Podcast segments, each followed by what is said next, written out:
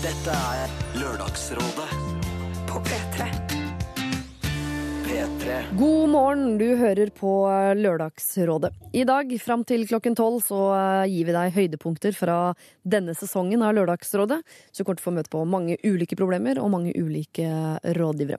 Så håper jeg du koser deg, og at det er eh, sol der hvor du er, selv om det kan bli litt grann mørkt nå de neste tre timene. Lørdagsrådet På P3. P3. Du hører på høydepunkter fra Lørdagsrådet, og i dette problemet så treffer du Christian Fredrik Mikkelsen, Anette Trettebergstuen og Ken Vasenius Nilsen. P3. Jeg har driti meg ut. Jeg er i et flott forhold som har vart i ca. to år. Vi har det kjempefint, og jeg elsker henne masse. Jeg tenker at jeg vil dele resten av livet mitt med denne jenta, og vi bor sammen. Men jeg var på byen for noen dager siden med gutta. De var på Kjekkeren, og etter hvert så ble jeg stående helt alene. Det kom tilfeldigvis en dame bort til meg.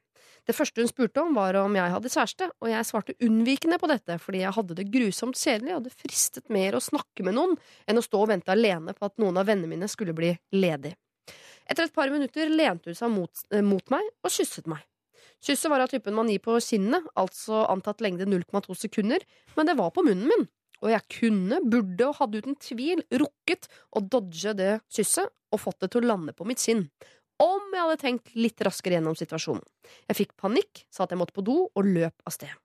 På vei ut av lokalet kort tid etter huker hun tak i meg. Jeg danser med henne i ca. ti sekunder før jeg kommer meg løs og henter jakka mi. Igjen kom hun i veien og forsøkte å kysse meg, men denne gangen klarte jeg å dodge that shit like a ninja og kom meg ut eh, derfra. Jeg løp hjemover med gråten i halsen og en forferdelig samvittighet. Jeg ringte samboeren min, som ikke var hjemme, bare for å høre stemmen hennes og la meg for å sove. Jeg har valgt å la være å si noe. Om jeg sier dette, er det for å lette min egne råtne samvittighet. Hun sliter med litt dårlig selvfølelse om sitt eget utseende og generelt omkring sine egne evner på jobb og studier og sånn. Eh, Det er for meg utrolig rart, siden hun er helt enestående eh, og ser helt fantastisk ut. Men det er en annen sak. I etterkant har jeg slitt med å sove, har en uggen følelse i magen og jeg mista matlyst. Kan jeg la være å fortelle dette? Hvordan skal jeg i så fall takle samvittigheten? Bør jeg fortelle dette? Hvordan gjør jeg det i så fall? Jeg elsker kjæresten min, jeg vil henne alt godt, og håper dere kan hjelpe meg å finne ut av hva som er best for henne. Morten 27. Å, stakkar. Sånn verdens beste Ja. menneske som har gått på en liten smell. i- Det var en Ja. liten smell. Ja. Um, Man lurer på om man kan la være å fortelle, om man bør fortelle, i så fall hvordan, hva er best for henne. Så nå gir vi egentlig råd eh, på vegne av henne. eh, umiddelbart så tenker jeg at uh, det var en liten smell. Eh, det er jo ikke veldig pent å svare unnvikende på om man har kjæreste. Når man har kjæreste. Nei. Det er vel kanskje det verste. Ikke at, ikke at han har fått et lite kyss på munnen. Mm. Um, jeg tenker umiddelbart at han uh, helt åpenbart har fått seg en skikkelig lærepenge. Han har det så vondt med dette her i etterkant at han kanskje skjønner hvor, uh, hvor mye kjæresten betyr for han, og at han skal unngå den type situasjoner i framtida. Han skapte det jo litt selv. Hun hadde neppe kyssa han hvis han hadde sagt at 'beklager, jeg er opptatt, jeg har kjæreste'. Men eh, han forteller jo at han er sammen med en fantastisk jente som har dårlig selvtillit eh, og sliter med det. Jeg ville kanskje råde han til å ikke si noe, men eh, unngå lignende tilfeller i framtida. Mm, men- Ikke skape større problemer enn det det egentlig er. Ja, fordi, Men, det kom, men han har det så vondt med det at det er ikke sikkert at det går over før han er letta på sin egen samvittighet. Men da må han vite at det kan uh, gå hardt utover henne. Mm. Ja, jeg tror heller til at han ikke skal si noe, men uh, skjerpe seg litt.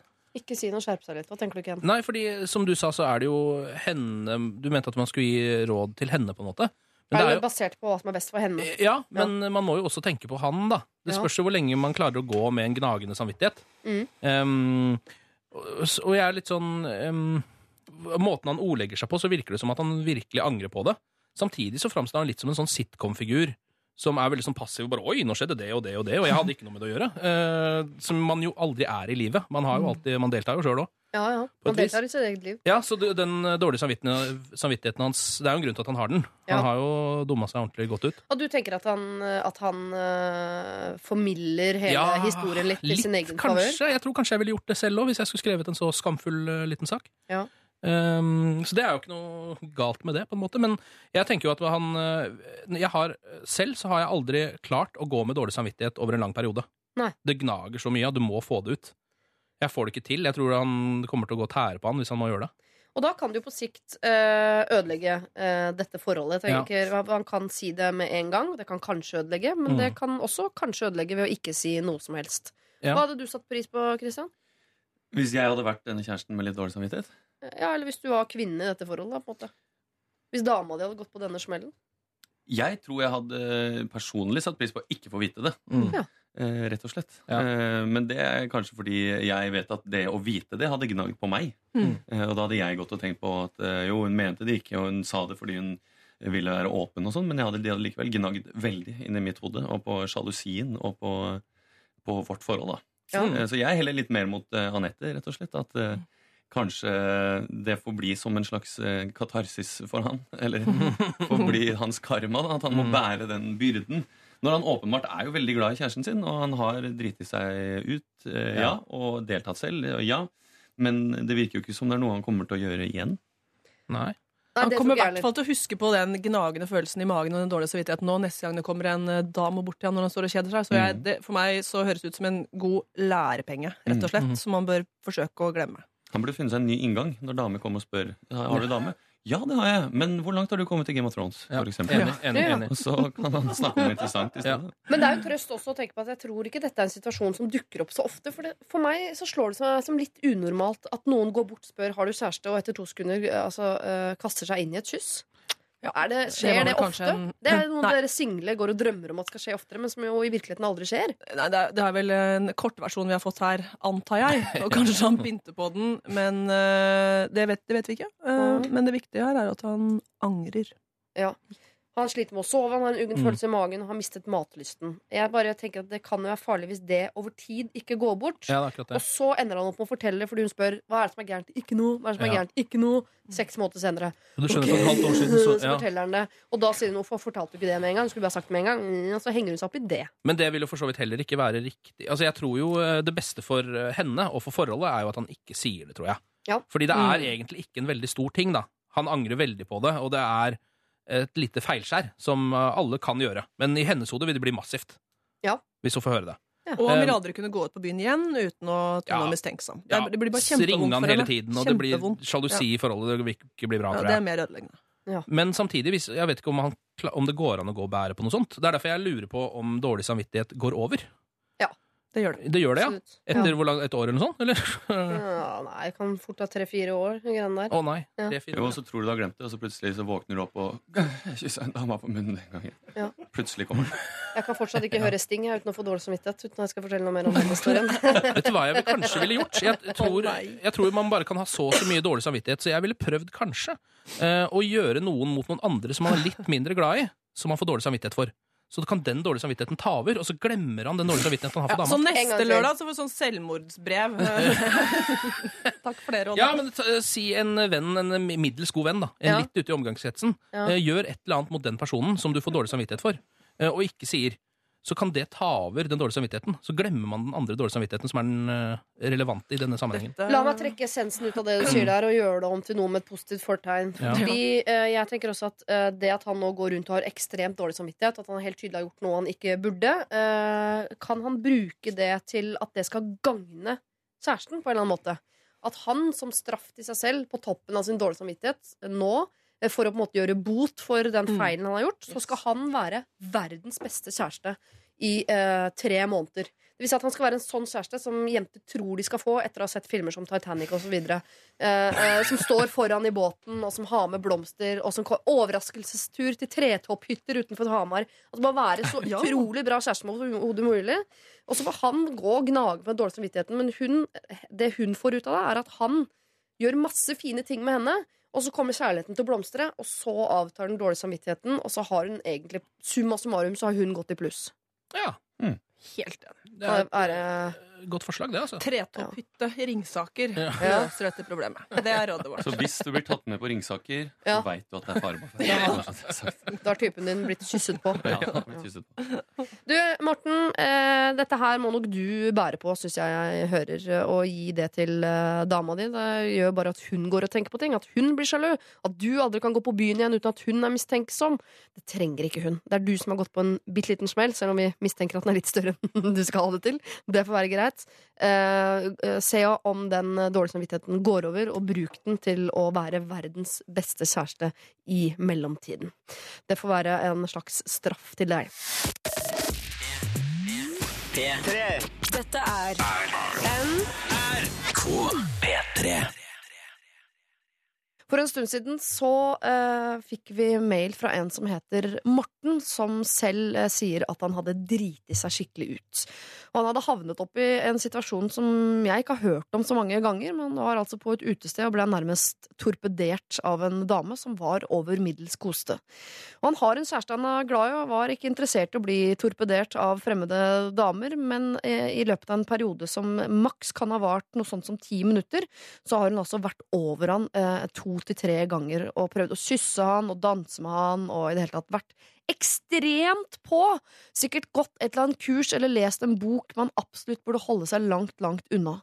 Eh, og han ble sittende igjen med dårlig samvittighet for dette her, selv om han var på en måte et uskyldig offer for blind kjærlighet. Eh, så hadde han veldig dårlig samvittighet overfor sin kjæreste, og var litt i stuss på om han i hele tatt skulle si noe til, eh, til kjæresten sin om det han hadde opplevd.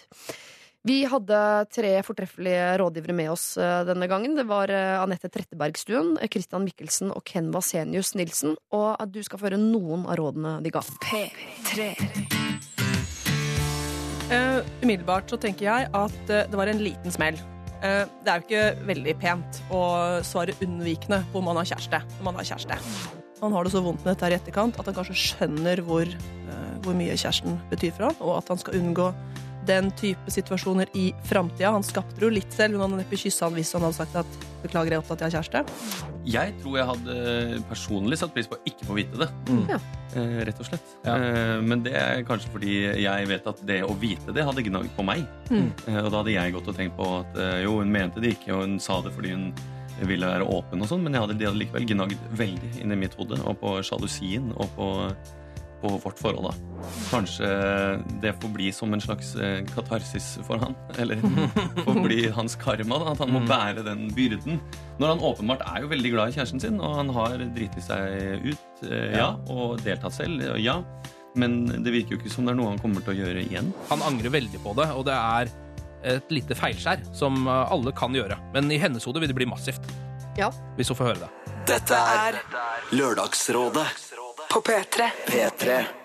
I hennes hode vil det bli massivt hvis hun får eh, høre det. Det er egentlig en fin setning å legge seg på eh, minnet. Og gratulerer med dagen, eh, Ken. Han hadde bursdag i går, eh, og er overhodet ikke her i dag. Eh, vi har fått mail fra denne Morten, eh, som skriver jeg beklager sent svar, men jeg har vært opptatt med å være den beste kjæresten jeg kan være. Jeg setter veldig pris på at dere tok, opp- problemet mitt, og jeg har hørt på rådene som ble gitt, men har fortsatt ikke sagt noe. Eh, Jeg har heller overøst henne med kjærlighet, og jeg føler meg iallfall litt bedre, men jeg tenker fortsatt mye på det. Jeg skal fortsette å være kjæresten fra Titanic i lang tid framover, og håper de vanskelige følelsene blir mindre. Når det gjelder selve hendelsen, så nevnte Anette at det nok var en kortversjon dere fikk. Det stemmer ikke helt. Hele greia gikk faktisk så fort som jeg beskrev det, og som Siri sa, så er det sjeldent jenter er så pågående. Jeg har i hvert fall aldri opplevd noe lignende. Så jeg kan godt forstå at det kom påstander om at jeg hadde pyntet litt på historien. Hvis jeg gjorde det, så har jeg i så fall fortrengt resten, men jeg er rimelig sikker på at det ikke var noe mer. Igjen, Takk for eh, råd og flott program. Hilsen eh, Morten. Han har altså valgt å ikke gjøre dette lille feilskjæret til noe massivt i sin kjærestes eh, hode, men heller valgt å være en sånn kjæreste som han da forbinder med Titanic-filmen, fram til da Leonardo DiCaprio dør på slutten. Unnskyld, spoiler. Eh, um, og det tror jeg er en veldig eh, god, eh, god plan forover. Og så beklager jeg for alle Titanic-referansene i dette, med skjær og kjærester og Leonardo i det hele. Eh, men det er jo sånn kjærligheten er litt, da. Det er som et eh, svært eh, skip som potensielt kan møte et isfjell. Ok, takk for meg, jeg går og legger meg. Det blir for svett, Siri. Hold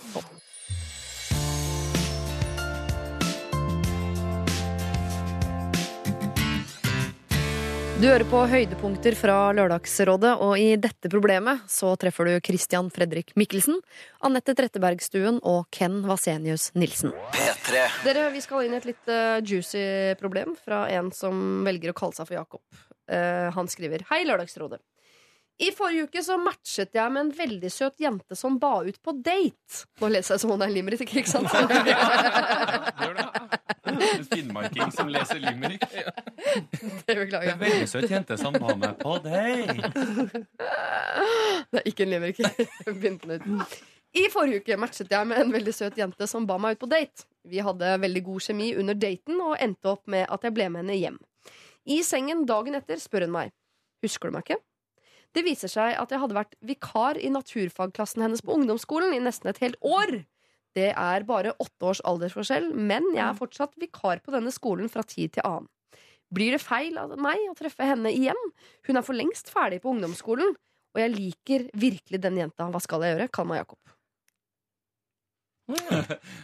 Nei, det er jo ikke lov.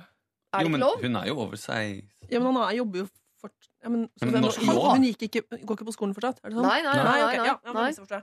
Han har hatt henne som elev Ja, ja. før. Jeg vet at Man skal jo ikke drive og ligge med læreren, men etterpå, Jo, det skal man. men etterpå når skolen er ferdig altså ikke, etter, ikke etter storefri, Ikke når det ringer ut, liksom. Møtesrapporten! Er alt er greit når jeg har ringt ut der. Bare kjøre på. Jo, men selvfølgelig er det greit. Jeg er skjønner over ikke. seksuelle men altså- lavalder og i stand til å ta vare på seg selv. Men da er han like han er gammel ikke som meg, sånn cirka, da. 25-26. Ja, og hun var 17? Ja, hun er vel da 16-17-18? Ja, 17-18? Mm. Ja. Ja, det må vel være greit. Ja. Ja. Det er jo Så Men enkelt. og, problemet Men er hvor, ja, det er jo grunn til at han problematiserer. For jeg tenker Å komme tilbake på lærerværelset og si sånn Woohoo! Endelig har jeg fått meg kjæreste. La oss si det blir sammen, da. Ja, hvem er det, ja? Ja, dere husker henne kanskje? Hun søte med museflettene som ikke er her for Ja, men han, er jo, Tilbake. altså, han, Sleit litt med han er jo åpenbart eh, fikk jo et nytt syn på henne den morgenen når hun sa at eh, du har hatt meg i klasserommet. Han er sikkert redd for at andre skal tro at han var etter henne allerede da. ja. Det må han Det jo jeg er tenke. Det er en liten, Han er redd for stigma, kanskje? Det er han. Helt åpenbart. For å bli tatt som han ekle naturfagslæreren som skulle Ja. ta sexo sexologien, holdt jeg på å si, og Ja. tok eleven etterpå. Ja, Det er jo et lite stigma, da, hvis vi- en aldersforskjell som, hvor hun nærmer seg Eller så vidt er over den eh, gylne alderen. Alderen. Ja. Mm. Men risikerer han noe? Eh, altså kan, Hvis skolen finner ut av dette Ja. Um, Hvor mange år siden var det han hadde henne som lærer? ja, Nei, står det står ikke. Nei. Nei. Eh, Det har jo litt å si, da. ja, for det er det jeg også lurer på. Er det sånn at han må være he hemmeligholde dette overfor dem?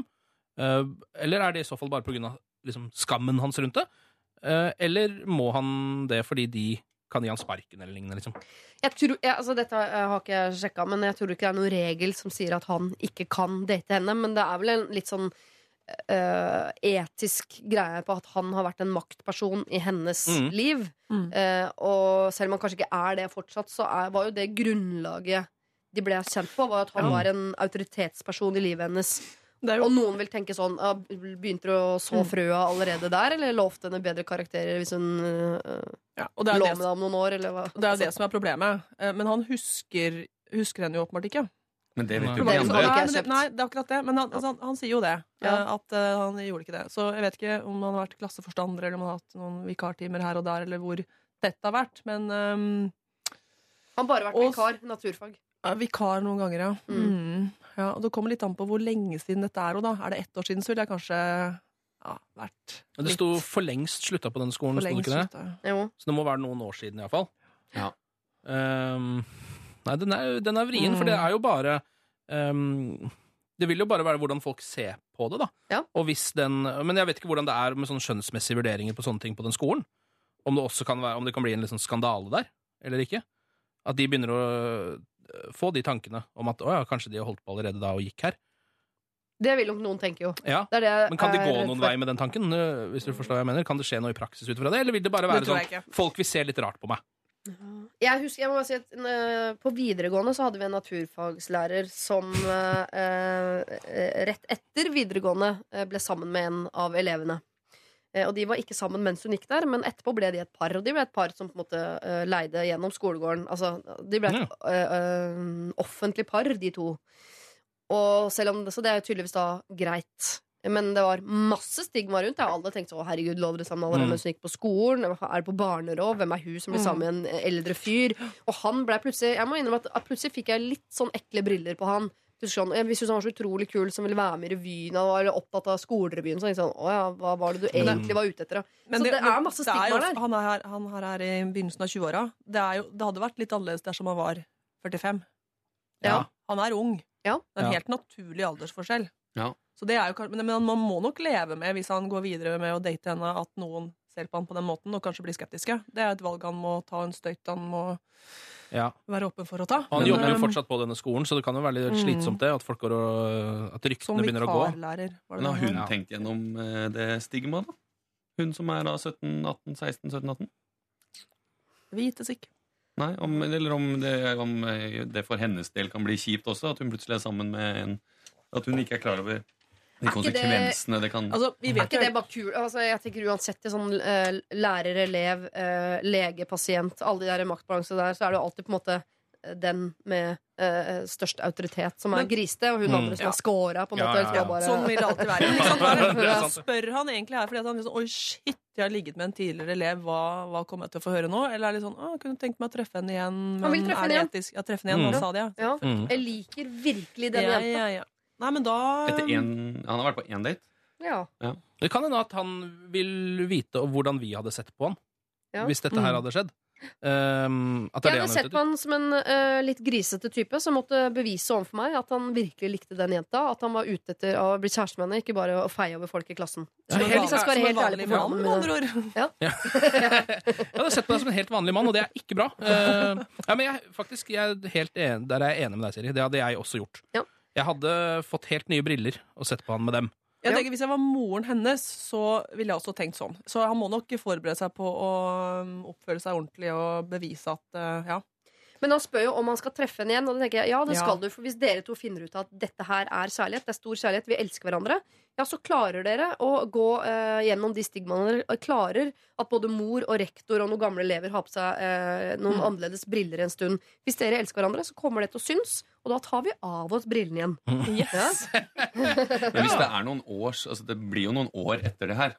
Det er jo ikke snakk om året etter. Hun har ikke, han har ikke venta på at hun skulle få graduation cap fra ungdomsskole. Og så hoppa eh. Som bare kunne komme rett ut og liksom ta Han henne med på det. Han kjente henne jo ikke igjen. Nei, Nei. nettopp. Det er bare det at det kan virke sånn. Det kan, Det det ja, er- det kan virke sånn. Så det har jo gått noen år. Eh, så jeg tenker jo, jo flere år det har gått, jo bedre er det. Men det er greit å være forberedt på de reaksjonene, for de kommer til å komme. Mm. Ja. Ja. Ja, Folk kommer Og- til å snakke. Altså, det, det blir sladder i bygda uansett. Men Fordi det er det krig og kjærlighet der, og så videre. Mm. Om 25 år så kommer det til å bli en søt historie som du deler med dine barn. Absolutt. Ja, ja, det, den kona Nei.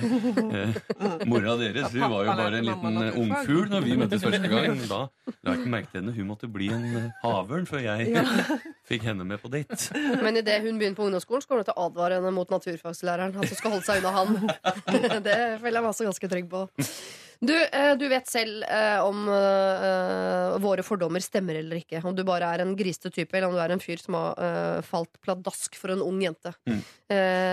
Du beskriver det som å ha falt pladask for en ung jente, og det er helt greit. Men du må belage deg på at du antakeligvis må bevise folk om det, fordi vi er fulle av fordommer hele gjengen. Vi kommer til å ta på oss brillene, men det er det som er så fint med briller. De er fullt mulig å ta av seg igjen. Eh, Men det kan ta litt grann tid. Men er kjærligheten sterk nok, så overlever du det. Vi har ikke laseroperert fordommene våre. Ja, det, det har vi nå.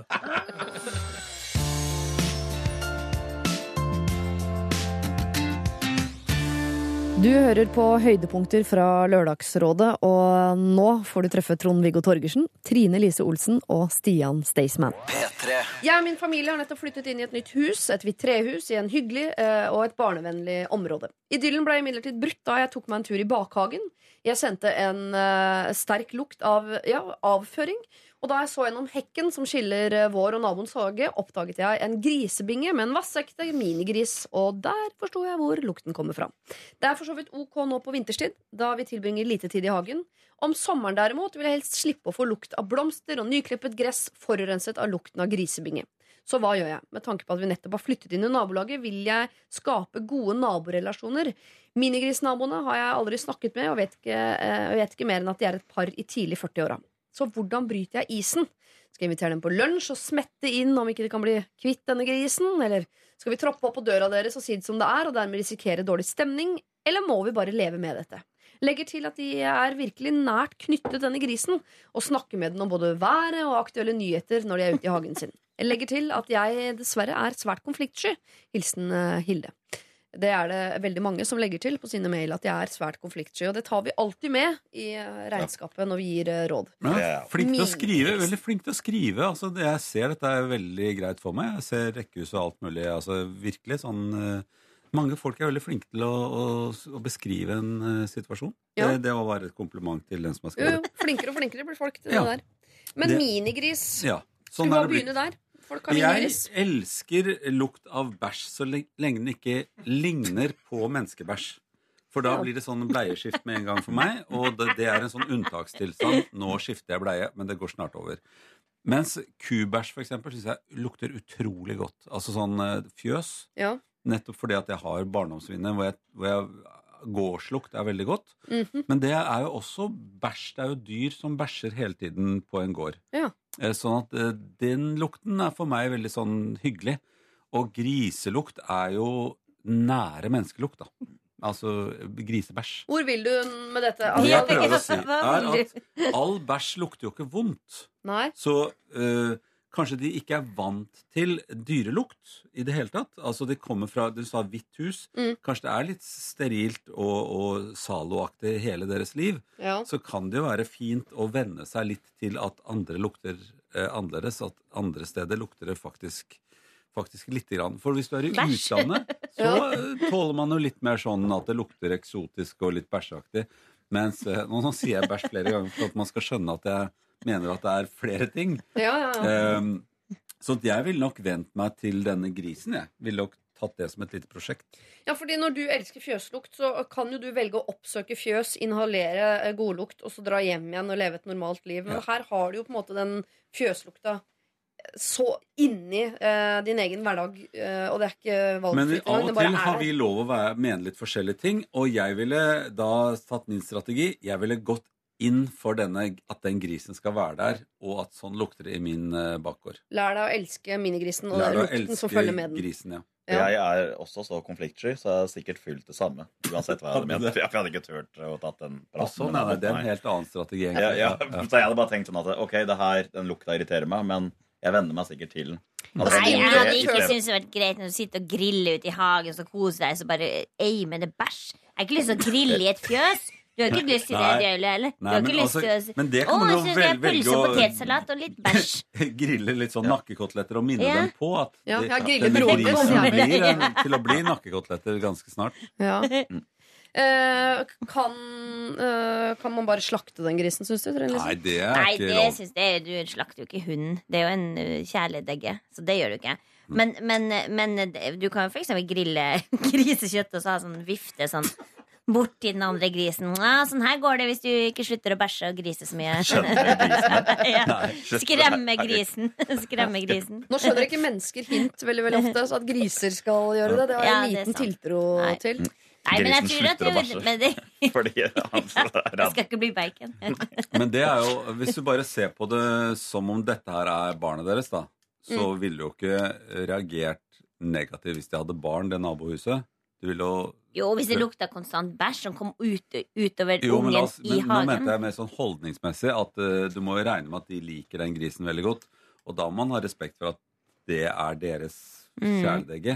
Ja. Så man må jo begynne der, tenker Mhm. jeg, også være grei med at i utgangspunktet så har de en ting som de er veldig glad i. Ja. Uh, og så må man heller snakke med en nabo som spiller veldig mye bassgitar hele tiden, f.eks. Si at det er veldig fint, men kan vi sette noen grenser for hvor mye og hvor høyt du skal spille, eh, siden du er naboen til oss? Mm. Eh, Og kanskje rense en kofte, rense den. Flytte grisen, ja. Rense oftere. ja. Altså Sånne ting må jo gå an til å spørre. Og bare, unnskyld, vet du hva, Jeg skjønner dere er veldig glad i den der eh, lille bacon dere har i bakgården, men går det an til å flytte den litt og, og så rydde litt oftere? For dette blir veldig mye bæsj-aim til oss, og vi er ikke så veldig glad i det. Dette, her var, dette var veldig fint sagt av Trine Lise. Og takk, ville også passet, uh, siden du er litt sånn konfliktsky, så ville det være greit å si det på den måten. Ville Ja, ikke det? veldig. Ja. Tusen takk. Jeg syns det var vanskelig begynnelse der, for jeg har eh, veldig lite forståelse for at folk vil ha minigris som kjæledyr. For jeg tror når folk får seg minigris, så tror de at de skal få sånn som er med i Donald Duck. Mm. Eh, sånn eh, knall rosa, søt liten grisebaby. Og så får du minigris, og så er den sikkert knall rosa, søt liten Donald Duck-gris i begynnelsen. Og så blir den større, kjempetjukk, og får lange, svarte kjønnshår over hele. Og er altså eh, eh, I den grad dyr kan bli stygge, så er minigris det styggeste jeg vet om. Eh, men det problematiserer det ikke her. Det er lukta som er problemet, og da føyer jeg meg for flertallet og sier at her skal konfliktskjøten få lov til å seire, i hvert fall en liten stund. Mm. Prøv å lære deg å, å Bare se for deg at dette er deres barn. De er glad i denne minigrisen. De skal få lov til å ha minigrisen. Prøv å venne deg til bæsjelukta. Kanskje du til og med kan like den uh, litt. Og så på sikt så er det lov å ta opp dette med at uh, det lukter inn i min hage. Kan, er det mulig å flytte på grisebingen litt? Kan vi sette opp et sånn luktfilter eh, på siden av grismingen, eller noe som gjør det mer eh, greit for meg å grille pølser og bacon i min hage. Lørdagsrådet med Siri Kristiansen. På P3. P3. Bastille var det der, og deres eh, Pompeii. Du hører på Lørdagsrådet, hvor vi nå skal eh, snakke litt om sex. Er dere komfortable med det, folkens? Overhodet ikke. Nei? Bård? Pass, passe. Passe. Det der, jeg, jeg tror det går ganske greit. Ja. Linnea? Herregud, det må gå fint, det. Jeg tror ikke jeg snakka om det på radio før, men, eh, men jeg er ikke fremmed for det. Vi prøver. vi prøver Iselin nemlig har begynt å rote med en seks år eldre fyr og er vel egentlig småkjærester nå. Problemet mitt er at hver gang vi har hatt sex, så snur han seg for å lese nyheter og slikt på nettbrettet sitt. Det er ingen kosing etter at vi er ferdige, og jeg syns det er sårt når han snur seg. Da føler jeg meg oversett. Jeg har fortalt han at jeg er eh, mest sårbar rett etter sex, og at jeg kun trenger fem minutter før han snur seg. Han forstår ikke dette. Eh, Da har jeg prøvd å si det flere ganger, og det eh, kun ender alltid stor diskusjon, og han mener at jeg er sjalu på nettbrettet. Og det er jeg for så vidt til en viss grad.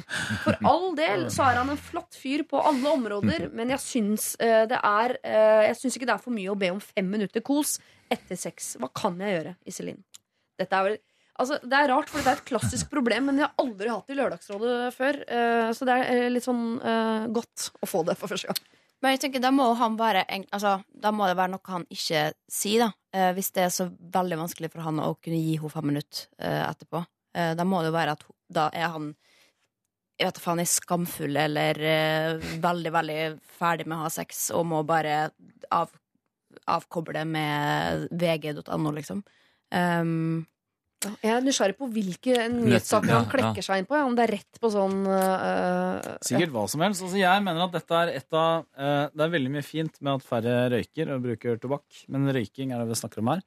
Et av de store tapene er at man har ikke noe egentlig å gjøre etter sex lenger.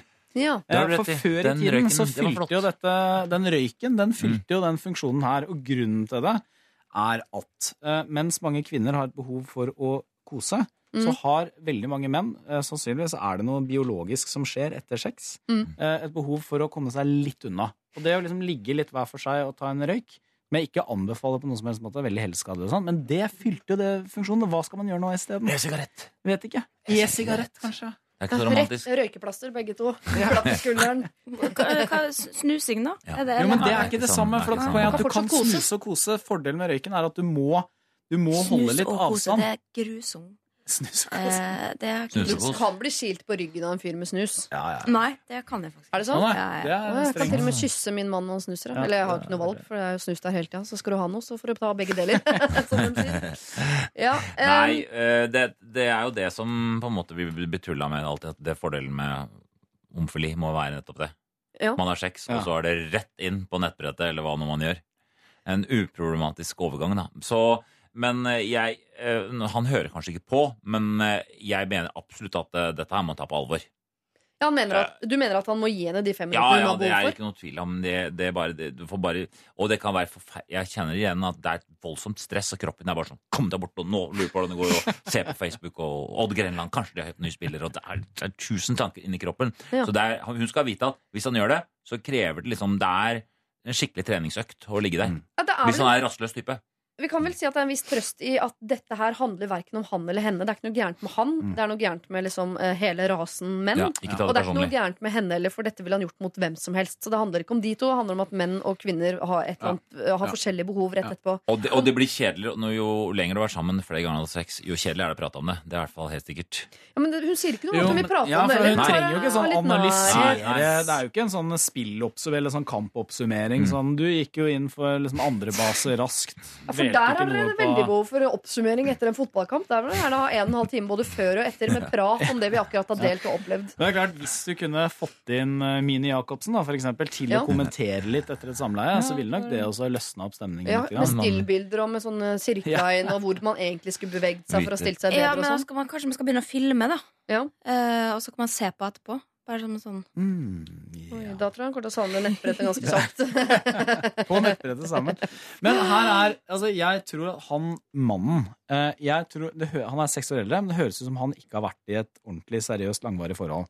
For jeg mener at Dette er en av de tingene Av de mange kompromissene mellom kjønnene som man inngår i et eh, forhold, så er dette en av de tingene som menn bare må kompromisse på. Sånn Ja. er det. det. Man må gi den kosen hvis man ønsker det. Men det er ikke alle jenter som syns det er, li, er like opptatt av det. Er jo Nei, nei, men da er det, ikke da er det noe eh, annet man må gjøre isteden. Ja. Men dette er, og så er det jo ting som kvinner må kompromisse på også, men dette er en av de tingene som, eh, som man bare må gjøre, tror jeg. Men må vi tilbake til steinalderen her? Handler det om at vi kvinner må ha kos vi skjønner at du, eh, nå bærer jeg kanskje hans barn, dette må vi samarbeide om, eh, mens han eh, snur seg og tenker sånn Og kan jeg samle krefter, for jeg skal ut og, og kalkvele en antilope et eller annet sted? Det, må vi dit, liksom?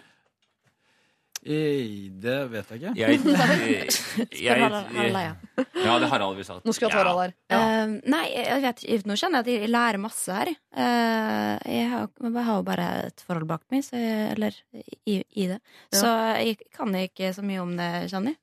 Eh, uten å gå inn på mine preferanser, men, eh, men i Men du skjønner henne? Ja, jeg forstår henne, men jeg forstår også han, på en måte. Kan det være ja, som en praktisk sånn Hvis du skal gradvis komme deg mot dette, kan de eh, gjøre som alle andre par gjør? Eh, nemlig drive sånn binge-watching, altså at du ser på en TV-serie som du følger og sånn. Mm. Kan de kanskje se litt sammen på en TV-serie? Mm. At de ikke behøver å Altså at hun kan få kosen ved at de ligger tett sammen. Han kan få nettbrettet sitt, men så ser de på en TV-serie, så de slipper liksom snakke veldig kosete til hverandre. De kan liksom gå rett over til noe annet. At de har på en måte serien liggende allerede framme. Sånn at idet Ja.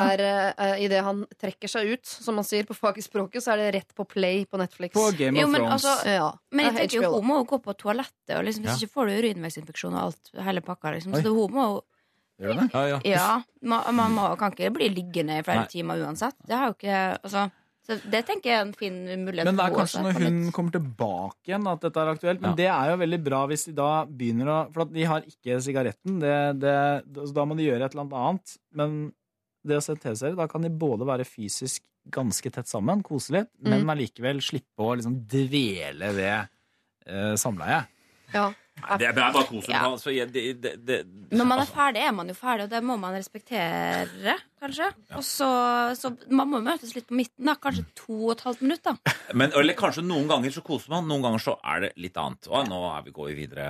Nå Iselin har vel bare et behov for å føle at hun er, er elsket. At hun ikke bare Kan, er pult. på kan, en måte kan, vi ikke, kan vi ikke bare så fram til liksom forholdet er bra ellers? Ja. ba, hvis vi bare ser selve sexakten, så er vi ganske enige unisone her. Ikke ta det personlig. Ja. Absolutt ikke ta det personlig. Det har ingenting med han å gjøre. Det har ingenting med deg å gjøre. Sånn har det vært eh, siden steinalderen, er Mm. jeg frista til å si, selv om ikke Harald, Harald Eia er her til å bekrefte eller avkrefte det. Eh, kanskje dere skal rett og slett dele de fem minuttene. Se på nettbrettet sammen. Komme fram til en felles eh, TV-serie. Eller så eh, Du har jo prøvd å kreve de fem minuttene, og han gir det jo ikke til deg. Eh, Benytt deg av de fem minuttene du har til å gå på badet og vask deg av dusj og sånn, og kom tilbake etterpå og legg deg i armkroken hans og spør om han har funnet noe interessant på nettet eller et eller annet.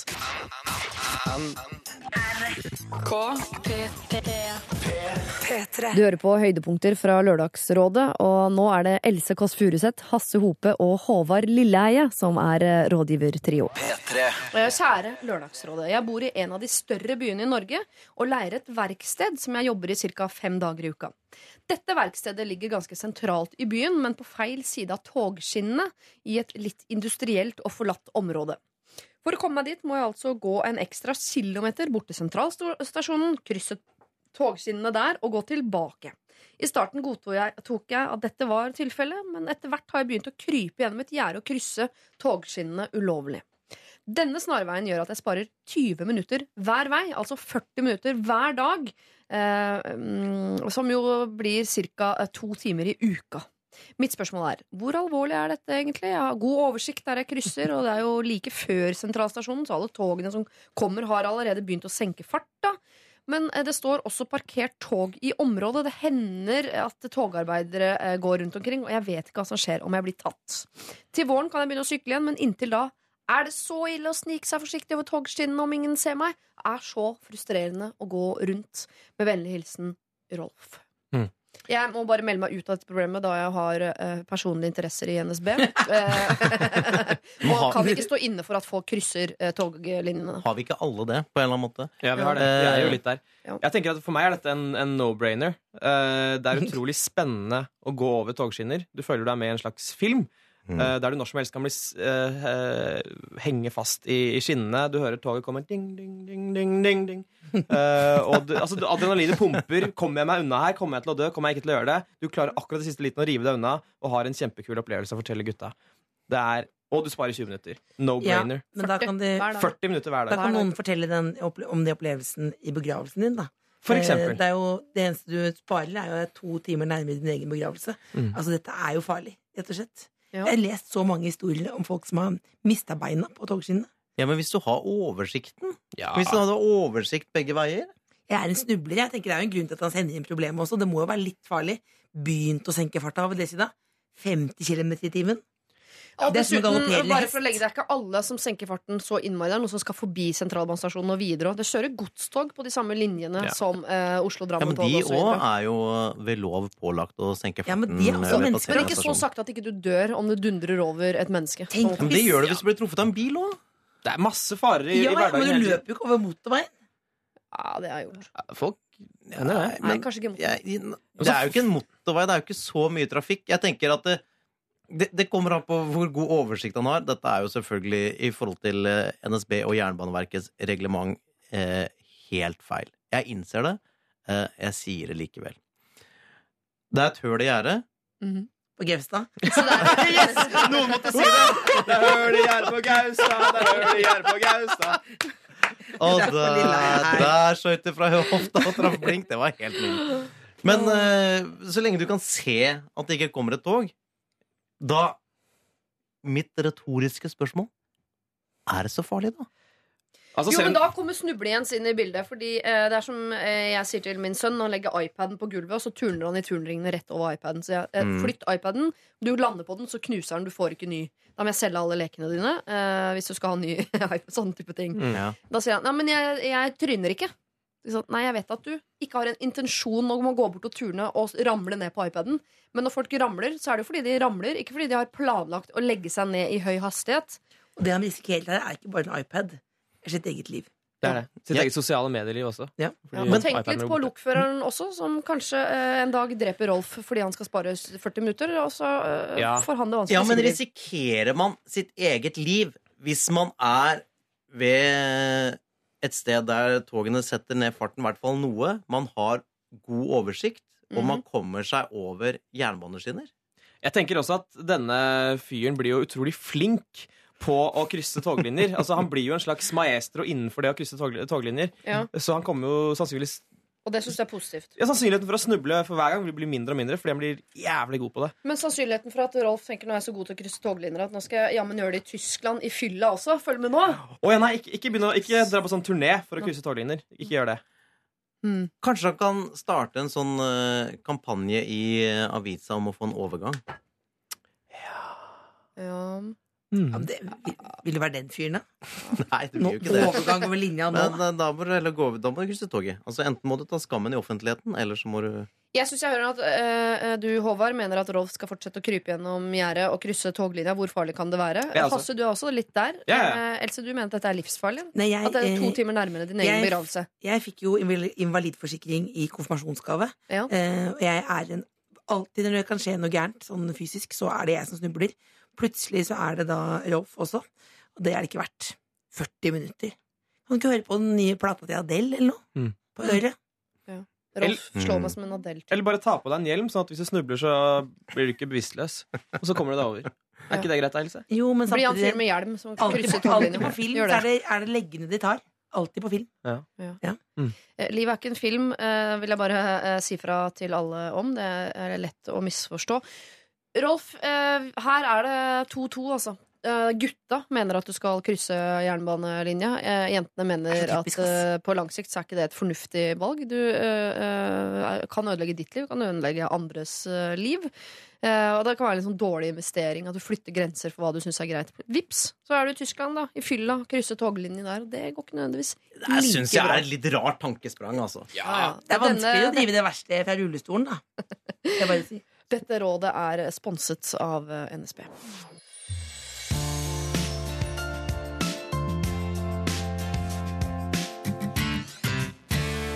Du hører på Lørdagsrådet. Nå er det Daniel Kvammen, Egil Hegerberg og Solveig Kloppen som skal gi råd. Kjære Lørdagsrådet. Jeg er en kvinne i 20-årene og står overfor et vanskelig dilemma. Jeg lurer på hva jeg skal gjøre med kroppshåret mitt. Tidligere har jeg opplevd at en jeg hadde noe på gang med, sendte meg en SMS etter tredje date og første ligg, der han spør om jeg vennligst kan passe på å barbere underlivet og beina før vi skulle møtes neste dag. Jeg ble så rasende at jeg ba han ryke og reise, og siden har jeg ikke hørt noe mer fra han. Mwahaha! 1-0 til feminismen. De siste årene har jeg prøvd å la håret gro for å se hvordan jeg trives med det. Fordelene er mange. Jeg har ikke sår hud, jeg slipper å bruke tid og penger på barbering, jeg syns det er rent estetisk finere. Jeg føler meg som en sterk kvinne og føler jeg er i bedre kontakt med kroppen min, og jeg syns det er ufattelig urettferdig at kvinner skal måtte føle seg ekle med hår når menn slipper denne bekymringen. Nå har det seg slik at jeg kanskje skal treffe igjen en gammel flamme, og jeg er selvsagt veldig opptatt av at han skal like meg. Jeg ser for meg at dette kanskje kan lede til noe seriøst. Men jeg vil nødig gå på akkord med mine egne holdninger, samtidig som det jo bare er hår. Jeg kan også tenke at eh, dersom en eh, mann eh, burde ta skjegget, eh, eller jeg tenker æsj, så safsete hår du har på hodet, så skal jeg innrømme at jeg kanskje kunne latt være å gi han en sjanse av den grunn. Problemet med å skulle barbere vekk håret er at jeg innerst inne ønsker at en mann skal kunne synes jeg er sexy selv med alt håret på. Men er det for mye å måtte kreve at flammen skal digge kroppen min når den er såpass hårete? Hilsen Hårhild. Egil har jo mye hår. Jeg har bra med hår, ja. Jeg, jeg er ikke noe fremmed for å sette pris på en god busk hos andre. At det vokser litt vilt. Altså. Så jeg er jo forkjemper for det. Men uh, Du er ganske veltrimmet nå i skjegget. ja, stemmer det. det hadde Du pleier jo å være mer langhåra enn det der. Mm. Er det fordi du har fått en SMS fra noen som har bedt deg om å rydde opp i det? Nei, det er vel på eget initiativ. Det, det er jo sånn at eh, det, det håret man har i trynet og sånn, Mm. det, har, det har mange av de gode egenskapene som ble ramsa opp i mailen her. Men det slutter jo ikke å vokse på samme måte som buskaset nedafor. Så det har jo også noen litt sånn mer plagsomme sider. Og det er, noe, det er jo noe med majones og, og fiskesuppe og sånn som man ikke trenger å bekymre seg så mye om når det gjelder eh, skrittbehåringa. Så det er, det er liksom praktiske hensyn som gjør at jeg innimellom flytter meg litt Her. Ja. Ja, men jeg vet ikke om det diskvalifiserer meg til å mene noe om, uh, om hennes hår. Jeg syns, Absolutt ikke. jeg syns jo hun skal kjøre på med hår, jeg. Med hår. Ja, for det at da legger, hun, da legger hun en list der, og så får heller modifisere og trimme litt etter behov hvis, uh, hvis det ønsket kommer opp. Men hvis, han, hvis vi da starter med en sånn glattbarbert, da er, det liksom, er kjørt, da, for da kommer jeg ikke til å tørre å modifisere det seinere. For hun er jo så stolt av disse håra sine, så la det være. Hun sier jo, innrømmer jo selv at hun kunne ha på en måte eh, snudd i døra hvis det var en mann som hun tenkte at var for behåra. Ja, det, syns, det er jo sykt! Ja. Det er jo sykt å tenke sånn!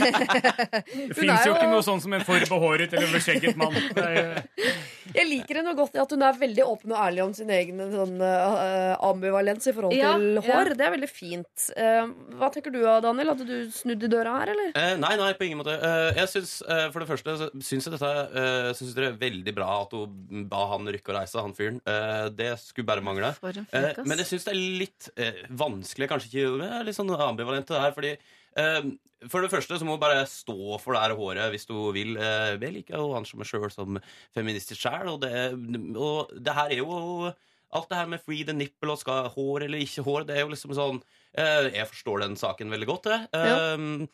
Men det, det hun liksom må tenke over her, det er, Jeg studerte økonomi en gang i tida, så da fikk jeg en sånn graf som liksom viste sånn kunder uh, hvor de gikk inn, og den går liksom, den starta nede, og så går den opp. Og, og så eh, går den uh, bare videre oppover, egentlig. Og det viser da Hva slags hvor- kunder?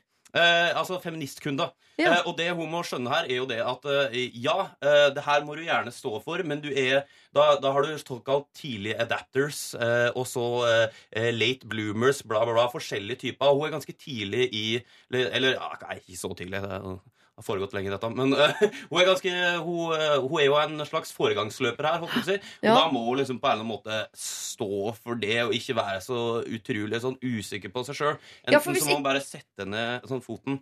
Mens, ja. Hvis ikke Hårehild står på barrikadene her, hvem skal gjøre det da, tenker jeg. Mm. Så på den, med det argumentet i hånda, så merker jeg jo at jeg heier på at uh, Hårehild skal Kjøre bevare håret. Mm. Ja. Ja, så- Men så- så så- heier jeg jo på kjærligheten nå. Hvis han viser seg å være en fyr som, uh, som ikke liker hår, det betyr jo ikke at han er en drittsekk. Det betyr jo at han er en fyr som ikke liker hår. Jeg tenker jo at man ikke nødvendigvis er en uh, Unnskyld, kuk. Om man ikke liker eh, masse hår på leggene og under armene, liksom. Mm. Det var det jeg skulle si. Kan Eh, være en helt vanlig fyr. En helt vanlig fyr, ja. Ja. Eh, fordi også er det liksom alt det her hårgreiene og sånn Er det så farlig, liksom? Om det er liksom kort eller langt? Eh, altså, er det helt fælt? Jo, nei, men altså, hvis, hvis liksom sånn vedkommende jeg synes Det er ganske drøyt å sende meldinger. Det må jo være lov å si. Det er med alle Ja, enige det er drøyt. Ja. Ja, ja. Ja, det, det pleier jeg veldig Det er veldig, veldig sjelden. jeg gjør. Det er bare noe helt i unntakstilfeller. Da har det vært helt uregjerlig. Eh, men eh, hva skal Hårhild gjøre her? Skal hun, eh, det høres ut som dere alle mener at hun skal bevare håret. Eller du er litt usikker, Solveig? Jeg er litt usikker. Jeg tenker at hun kan barbere seg litt. Grann, jeg. Kan hun ikke det? En liten mellomting, tenker du Ja, på? Altså, ja, ja. ene siden, da? Jeg mener at du skal trimme med Ja, litt men ta, saks? kan du ikke ta leggene, da? For sånn første gangen? Ta leggene, men la uh, tissetass og armhuler Ja, eh, ja. stå. Mm, mm. Ja. Og Jeg så- også har mest problemer med legger, Ja, for, ja, for akkurat legger syns jeg er litt uh, For det ser litt ut som sånn minigris. For det er sånn Ja, er spredt hårvekst. Ja, Ja, ja, ja, det er litt ja, ekkelt, ja, faktisk. ja. Skal jeg innrømme. Ja. Men gjerne uh, tisse og armhule. Ah, ja, Kjør på. Ja. Men leggene, Altså. leggene, da. Ja. Jeg, tenk, jeg må bare påpeke det at jeg mener at hun bare må bestemme seg for hvor hardt hun mener det er. For det virker ikke som hun bestemte seg for det. Nei, Håril, du må ta en runde på hvor viktig dette her er for deg. Jeg skjønner at du, eh, du syns det er viktig, men du er usikker på om du på en måte vil legge særligheten til denne gamle flammen her i potten. Nok en gang så er det jo viktig at hun er åpen mot eh, han fyren så tidlig som mulig. Det er jo helt teit å spørre oss om dette, for vi vet jo ikke hvordan han prioriterer. Så det er jo bare å sende en tekstmelding til han. Du, jeg bare tenkte på, altså Nå har jeg en frodig, frodig og fin dott her. Er, det, er du hypp på at jeg skal stusse den litt, ta rakan bort, eller vil du kjøre naturell? Du er utrolig kul hvis du gjør det, Hårhild. Du spør på forhånd. Jeg liker hår, hva, hva tenker du? Men da, da legger hun jo opp til hva den, den daten skal gå ut på Ja, ja. også. Da blir ikke det det kaffe og scones. Og hvis du ikke er enige, så kan de bare gå hver sin retning i skogen. ikke sant? Jeg tror bare Håre, at det er bedre at du kommer behåret, og så får dere eh, komprimere dere ned mot eh, trimmet eller raket på sikt, enn at du kommer helt raka. Altså, så ja. skal du få Mm. snike inn langt hår på sikt. Det, altså, det, det tror jeg på en måte er uh, verre. Og et av problemene som dukket opp, var fra en som så fint kalte seg Hårhild. Hun har de siste årene eh, bestemt seg for å la håret gro eh, av mange forskjellige grunner, men plutselig ble hun satt litt på prøve fordi hun skal treffe en gammel flamme. Og i sin frykt for å ikke imponere han, så ble hun eh, plutselig litt i stuss på om hun skulle stå for sitt valg av å la kroppshåret gro, eller om hun skulle eh, stusse, eller om hun skulle gå all in og barbere for denne mannen. Altså skulle hun eh, gi kast på sine prinsipper for en mann. Det er et evig dilemma for oss kvinner. Vi kan jo høre litt på hva Solveig Kloppen, Daniel Kammen og Egil Hegberg hadde å si til det. P3. Det er jo sykt å tenke sånn. Det fins jo ikke noe sånn som en forbehåret eller beskjegget mann. For det første så må du bare stå for det her håret hvis du vil. Eh, Jeg liker jo å anse meg sjøl som feministisk sjæl, og, det- og det her er jo Alt det her med free the nipple og skal hår eller ikke hår, det er jo liksom sånn eh, Jeg forstår den saken veldig godt. For henne så er dette en ganske viktig sak da, på mange måter for at hun skal føle seg vel. Så hvis altså, Han kan jo være en kuk Nei, han, han trenger ikke være en kuk for det om han prioriterer litt annerledes, så kan det jo være et problem i deres fremtidige forhold hvis uh, han avskyr hår, og hun syns det er dritfett med hår.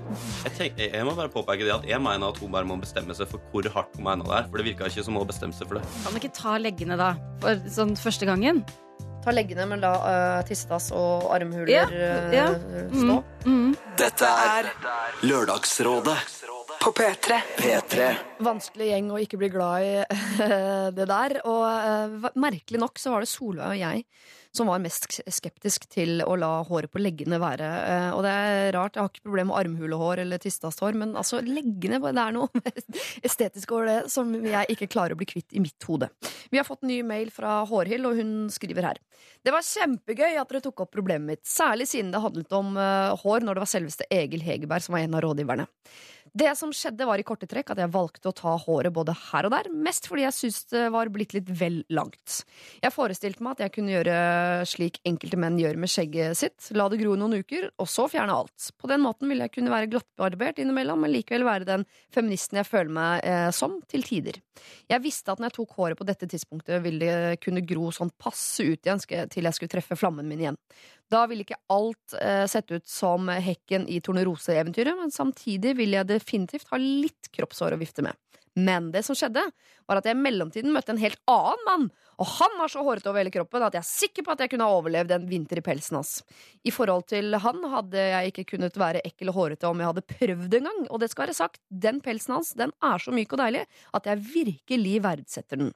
Moralen er uansett at betydningen av kroppshåret hans blekner i forhold til hvor omtenksom, grei, kjekk og morsom han er. En feministisk ånd gjelder nok, eh, det, uh, gjelder nok det for meg og andre kvinner, også hilsen Håril. Så fint! Jeg vet ikke om vi løser problemet ditt, men du fant en hårape som du har blitt kjempeglad i, og sammen kan dere tvinne hverandre og tove hverandre inn i hårete lykke, og det setter vi veldig veldig pris på her i Lørdagsrådet. Dette er Lørdagsrådet På P3. P3. Når vi har fest i vennegjengen vår, er det et par som alltid forsvinner inn på soverommet, badet eller gjesterommet til vertskapet en stund. Det er jo helt åpenbart hva de gjør der inne. Er det egentlig greit å ha seg i sengen på badet på gjesterommet til venner? Jeg syns jo egentlig ikke det selv. Er det for mye å forvente at de venter med det til de kommer seg hjem igjen? Med vennlig hilsen vennegjengen. Har de DNA-bevis på hva som har foregått? Mm, nei, jeg tror det er mer sånn Mulder and Scully-bevis i denne, denne saken De har hørt det. De har hørt det og føler seg komfortable. De har sett noe, på en måte. Hvor gammel er de? Det står ikke, men jeg tipper at de er i de tidlig 20-åra, da. Men bor de i lag? Ja, ja det er, jeg tror det er et uh, bokollektiv, ja. Og så har de noen da, når de har fest, så er det et par som alltid ikke klarer å holde seg til de kommer hjem. For de bor i lag? Det venneparet? Ja? Uh, det er sikkert. Sikkert. De får i hvert fall lov til å overnatte hos hverandre, så de har andre steder å knulle. Hvis det er det du lurer på Men jeg tenker det at herregud, får du lyst, så får du lyst. Og da er det bare å, å Null hensyn, kjør Det hadde på. vært verre Her er det jo high five for selvtilliten, tenker jeg. Altså. Ja. Ja. Men det hadde vært verre hvis det var en venn i vennegjengen som tok en annen venn en, ny venn hver gang i badekaret. Det ville vært veldig det vil, ja. Så hvis det er samme, så tenker jeg herregud, hvis det er liksom noen ting som de syns er gøy, så syns jeg det er helt greit. Jeg tror egentlig den som skriver inn her, er sjalu. Ja, eller misunnelig, da. Misunnelig for at han, og, han eller hun eller hvem det er som skriver, også har lyst til å ha seg. Ja, men jeg, synes, jeg må nesten si at jeg syns det er verre hvis jeg hadde hatt en uh, på festen eller en i bokkollektivet som alltid drev og eh, skulle ha seg med en eller annen random, så skjønner jeg at der og da var uh, lysta så høy at de bare måtte, enn det paret som på en måte er sammen 24 timer. De kan ligge med hverandre når de vil, og så er skal de de alltid gjør. gjøre det hos meg! Men det er det de ikke gjør, ikke sant? Ja, men de da gjør dette kun de på på, fest. ja, men da er det, tenner du på noe veldig rart. De går hjem, og så baker de eller noe. Der er det ikke noe sex. Ja, rett på joggebukse og uh, filmmaraton. Ja. Men, men ikke gå på doen. Gå heller på et, sånn, et kott eller noe sånt, for det er doen så blir det kø. Og det er så Det er unødvendig. kjedelig. Ja, det er unødvendig. Der, er jeg- der må jeg si meg enig. Men jeg vil hylle selvtilliten til det paret her. Altså. Ja. Det er et eller annet med den der eh, kjærleiken og det at de bare dundrer løs når de kommer på fest hos eh, den gjengen her. Som bare er det. Jeg syns det er mye eklere med sånn klining. Hvis du sitter og er sånn superintim For de lokker lukker jo døra, og og de går og jo et sånn. annet sted. Altså, la, de, la de beholde den gnisten der. Det kan hende at det er den gnisten der som gjør at de lever et langt liv sammen. Eller så kan du jo spørre om de andre vil se på. Det høres ut som det bygger seg opp til det. de. Ja. Ja. Inkluder de på en Ja. Vi har en ting vi vil vise dere. Undervisning. Vi Ja, for det kan jo, jeg ser for meg at dette paret er antagelig det som skjer, da, sånn rent øh, kjemisk oppi hjernene deres, er at når de t kommer på fest, så minner det dem om å, husker du da vi ble sammen og vi var masse på fest og livet var så gøy? Da lå vi masse sammen og mm, Lå vi sammen, sa du? Mm, og så begynte det å skje. Og så må du ligge sammen igjen. At det er liksom memory lane hver gang jeg er på fest. At det er liksom uh, unge og nyforelska igjen. At det er derfor. Men kan dere, du bor i bokollektiv, Siri. Er det, er det, har dere noen regler for dette her hos dere? Om eh, ligging på fellesarealet, andres rom osv. Er det du som må vaske andres DNA dagen derpå? Nei, det er ikke det, altså. Andres Eh, DNA. eh, ja, det er veldig deilig. eh, vi har det jo mest sånn at hvis du dater noen, så er det kult å henge hos den personen. Spesielt hvis den personen har sin egen leilighet, eh, som har vært tilfellet hos oss. Eh, jeg tror ikke vi trenger å si fra at man ikke skal ligge på sofaen. For jeg tror ikke noen har så lyst. Det er ingen av oss som har den der eh, ekshibisjonistiske delen av oss. Men du bor ikke i et bokollektiv hvor det er mye fest, da, antagelig? Jo, det er jo det Å, hele ja. tida. Hele tiden. Men er det ingen som går inn og benytter seg av din seng til å ha seg i, for eksempel? Uten at Nei, du får min være seng med? er veldig dårlig å ha sex i, for den er så gammel og knirker sånn. Så Ja. der blir det veldig lite eh, action. Men eh, det har jo hendt at eh, noen andre har låst seg inn på sine egne rom. Det har hendt. Men sitt eget rom er vel greit? Ja, det, jeg syns det. Jeg har også sovnet i de andre sine senger, um, men det har vært uten sex, da. Ja. Det er ikke så mye avfallsstoffer ved soving som det er ved Jeg vet ikke, ass. Det er jo i tilstanden. Ja. Men eh, nei. Jeg syns eh, Jeg er også Hvor gamle er de, da? 20 år, ja. Ja, ikke sant. Nå Jeg er dere veldig positive, for jeg tenker, hvis jeg hadde hatt mitt rom eh, Nå hater jeg jo konseptet bokollektiv i utgangspunktet, da. Eh, men eh, la oss nå si at jeg av en eller annen merkelig grunn skulle bodd i bokollektiv. Og jeg har jo gjort det også, men, men Det hatet det, som sagt. Eh, og så skulle det vært fest i bokollektivet, og så kommer det da Så kommer mennesker det ja. og legger seg i min seng, og, og som jeg ligge i det selv. Ah, Det er, bare, det er en grunn Ja, til at det jobber folk på hotell. streit. Ja, Nei, nei, nei. Jeg. Jeg bodde i kollektiv men da hadde jeg bestandig døra med låst når vi hadde fest. Ja, lurt. For det var liksom no entrance. Ja. Så, men de Men var det i noen andre sin seng? Var det ikke på badet? Er det bare jeg som eh, gikk Ja, på glipp av den? badet er Sengen, badet, gjesterommet. Har de gjesterom i? Gjesterom? Ja, for en kåk. Ja, altså Det, Det er er jo ingen knullerommet sin på ja. Balkongen òg, da? eller? Hallais. Ja. Det rommet, fjern problemet. Ja, det gjør egentlig litt Ja. det. Ja. Eller at det er på Lillestrøm, som man har liksom råd til. Vi kjøpte bokholdtid på en 600-700 kvadrat. vi. Plutselig nå så ble det helt greit. Det var jo detalj jeg ikke fikk med meg når du leste problemet. Men det, nei, vær så god, dere har tilrettelagt for at den aktiviteten Ja, skal finne sted. gjesterom. Da ber du om at folk skal Ja. ligge hos deg. Kom og ligg når vi har fest, sier du med å ha det gjesterom i kollektivet ditt. Kjære vennegjeng, eh, dere skal egentlig sette pris på at dere har et par i gjengen som er eh, virile og som vil ligge med hverandre. Det kan være nøkkelen til at de holder sammen i eh, lang, lang tid. Og når dere har et gjesterom, så tenker jeg at gjesterom på fest i bokollektiv, det har eh, et, nå et nytt navn. Det heter altså eh, Knullerommet, og det er det det skal brukes til i all tid som kommer. Du får høydepunkter fra Lørdagsrådet i dag, og her får du Dag Sørås, Christian Borch og Sofie Elise som rådgivere. Hei. Mitt problem er at sjefen min er utro med en kollega som også har kjæreste. Sjefen min har hatt kjæreste i åtte år, og jeg trodde alt mellom dem var bra, bortsett fra ønsket hennes om å binde seg, gifte seg, barn osv. Da vi var på jobbtur for ikke så lenge siden, fant jeg ut at hun er utro mot kjæresten sin med en kollega, og dette har vært gjentagende under alle fester i jobbsammenheng. Vi har et tett samarbeid på jobben i det daglige arbeidet, og jeg syns det er vanskelig å forholde meg til henne nå etter at jeg vet dette. Nå har det dessuten kommet fram at nesten alle vet eh, hva hun gjør når kjæresten ikke er til stede. Utroskapen har kommet opp som samtaleemne gjentatte ganger når hun ikke er der. Jeg føler jeg burde si fra på noen måte, men burde jeg det, eller burde jeg la det være? I så fall, hvem burde jeg gå til? Henne? Sjefen hennes? Det er øh, hun som skriver min attest, og jeg skal slutte til sommeren. Jeg håper virkelig dere kan hjelpe meg. Kall meg eh, Nina. Og det er det vi skal når vi nå skal diskutere hva Nina skal gjøre. Eh, utroskap er vanskelig, eh, Dag. Hva ville du ha gjort eh, her? Jeg ville bare venta til etter sommeren. det, det, var det første som falt meg inn. Men jeg skjønte ikke, er hun- ei venninne, eller er hun bare en arbeidskollega? Hun som driver og er utro. For hun er bare en arbeidskollega. Altså Nina er eh, Ja. kollega med denne som er utro Ja. med sjefen. Da er det vanskelig, altså.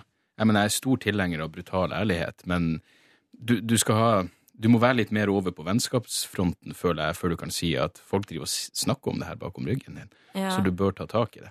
Så eh, akkurat der tror jeg jeg ville I mitt hode så ville jeg holdt det for meg sjøl, for å være helt ærlig. Jeg ville følt at jeg ikke har noe med det å gjøre. Men er det av hensyn til at hun, vil ha en, at hun skal få en god attest når hun slutter, eller er det helt sånn Nei, Vil du ha gitt det råd uansett? Jeg tror nok det. Absolutt. Hvis, jeg, hvis, jeg, hvis de var venninne, eller hvis de hadde litt nærere forhold, så ville det vært helt naturlig å ta henne til side og si du burde være bevisst på at folk vet hva du holder på med. Og Mm. de snakker om det bak ryggen din, og det kommer til å spre seg. Så ja. Nei, akkurat i dette tilfellet så, så føler jeg at det, hun ikke har noe med det å gjøre. Du har jo ikke noe sjef, Sofie Elise, sånn sett, men eh, klarer du å, å ta stilling til hva du mener at Nina skal gjøre med sin uh, viten om at sjefen er utro? Jeg skjønner ikke helt om hun synes det er ubehagelig å vite det, eller om hun synes det er ubehagelig at det kommer opp at de snakker om det, men jeg Hun er litt sprikende om det er av hensyn til sjefen folk snakker bak ryggen din, eller om det er av hensyn til 'hei, du er sjef, nå må du ta deg sammen'. Jeg føler ikke at det burde være en sånn 'hei, du er sjef, nå må du ta deg sammen', for hvis hun er en bra sjef ellers, så syns jeg på en måte ikke det burde ha noe å si hva hun gjør eh, i sitt forhold eller ikke. Um, hvis hun syns det er ubehagelig at folk snakker om det, så kan hun si ifra til dem, og så heller bare la det gå, for det er ikke hennes sak, helt ærlig, mener jeg da. Ja. Du er jo vant til å ha både sjefer og kollegaer, Kristian Christian Borch. Hva tenker Sjefer. du? eh, Du har vel hatt sjef på et eller annet tidspunkt? Ikke nå som er pensjonist. En slags, en, bare slags, en slags sjefer jo har vært, på en måte, ja. Mm, Ja. Men ikke noe sånn at jeg tror jeg ville tatt spesielle hensyn i en sak som dette. Jeg er litt enig i at jeg tror jeg ville holdt, eh, holdt dette for meg selv. Jeg har ikke bråket noe særlig med det. For det første er utroskap ofte produkt av helt andre forhold enn det du kan se i det offentlige rom, og det kan være helt andre årsaker i hennes eget for hennes faste forhold. og dette her som gjør det, det er altså umulig å bedømme. Jeg har hatt et sånt tilfelle en gang i min grønne ungdom hvor jeg var ansatt i en stor, ærverdig organisasjon med en særdeles ærverdig eldre direktør som hadde en særdeles eldre, ærverdig sekretær som det viser han hadde hatt et forhold til absolutt hele tiden mens han var gift og hadde barn og barnebarn og fanden hans oldemor. Og det var altså et eller annet med dette her som gjorde at du, du fikk følelsen av at det var ikke utroskap i klassisk definert forstand. Det var liksom et eller annet merkelig forhold som hadde utviklet seg av grunner som han ikke helt forsto. Altså Det var ikke sant, et eller annet sånn litt esoterisk fenomen rundt dette her, og det kan det meget vel være her òg. Ingen vet det. Så jeg tror jeg ville vært varsom med å blande meg for mye borti det. Men det er ett aspekt her, og det er at hun sier at alle vet det, og hun har vel antagelig noen fortrolige på jobben som det går an å snakke med. Hva skal vi gjøre? Skal vi si fra? Skal vi blande oss bort i dette, eller skal vi ikke gjøre det? Og så prøve å få litt eh, å si, impulser inn i sin egen tankegang på den måten. Det er mulig at det kan være den riktige veien å gå frem på. Plutselig at kanskje sjefen har et åpent forhold. Folk har det også. Jeg mener, det er mange. Jeg tar, alle, alle tar bestandig utgangspunkt i seg sjøl når det kommer til Ja, jeg kunne aldri vært utro hvis dama mi hadde vært utro, bla, bla, bla. Alle, det er ikke alle som har et sånt forhold. Noen har et mer nyansert syn på det. Så, Mm. så det ja, Ja. burde tas opp på en mer subtil måte i så fall. Nina her tar nok helt sikkert hensyn til hva, eh, hvordan hun ville reagert hvis sin kjæreste var utro. Eller, altså det, det, alt det der tar man jo, Ja. all den sårheten og frykten og sånn tar man jo med inn i det. Men jeg kan også forstå at det er litt ubehagelig eh, å skulle gå i medarbeidersamtale med et menneske du i utgangspunktet skal respektere, eh, og så vet du at eh, holde på å fjase rundt på alle julebord og alt mulig. Altså jeg bare, det er noe med at ditt syn på sjefen din blir litt forkvakla. Men altså, det er bare én hun er utro med? Ja. Ja, ikke sant? Og Det er altså et, et, et sånn dobbeltforhold, på en måte. Ja. Og det ødelegger jo eh, jobbmiljøet også, tenker jeg til en viss grad. Hvis alle går rundt og på en måte baksnakker sjefen og en annen kollega, så er jo det en eh, ukultur på arbeidsplassen. Den tiden burde man jo bruke antageligvis til å snakke om andre Men da er jo det deres problem. Da kan de jo snakke om noe annet, Ja, jeg da. jeg tror jeg er enig i det. De Det kan distansere seg fra det og snakke Mm. om noe annet, ja. Ja. Så hvis Nina skal eh, Hun spør jo om hun skal si fra til kollegaen sin eller til sjefen. Men hun burde faktisk si fra til de andre kollegaene. Hei, skal vi slutte å snakke om dette her? Om ikke si fra, så i hvert fall snakke med dem og diskutere litt for å prøve å få problemet liksom forflyttet litt ut av seg selv, på en måte. Og få litt andre impulser inn på det. Ok, Nina. eh, du trenger ikke å si fra til sjefen din, ei heller kollegaen. Jeg tenker at et, En ting som kan gjøre at vi eh, kunne ha ment noe annet, er hvis du også er en bekjent av noen av kjærestene i dette Mm, universet. Da blir det ja. vanskelig hvis du må se folk i øya som du vet at gjerne skulle hatt informasjon du har. Da er det et ekstra element som ligger til. Men det sier du ingenting om i mailen din. Her virker det som det er en sjef og en kollega som ikke du har noe med å gjøre sånn ellers. Da er det en greie mellom de. Eh, Du kan ikke ta med deg dine, din moral og din etikk inn i det problemet der. Om så, så må du på en eller annen måte prøve å stoppe den snakkisen som er rundt dette her, med de andre kollegaene dine. Lørdagsrådet på P3. P3.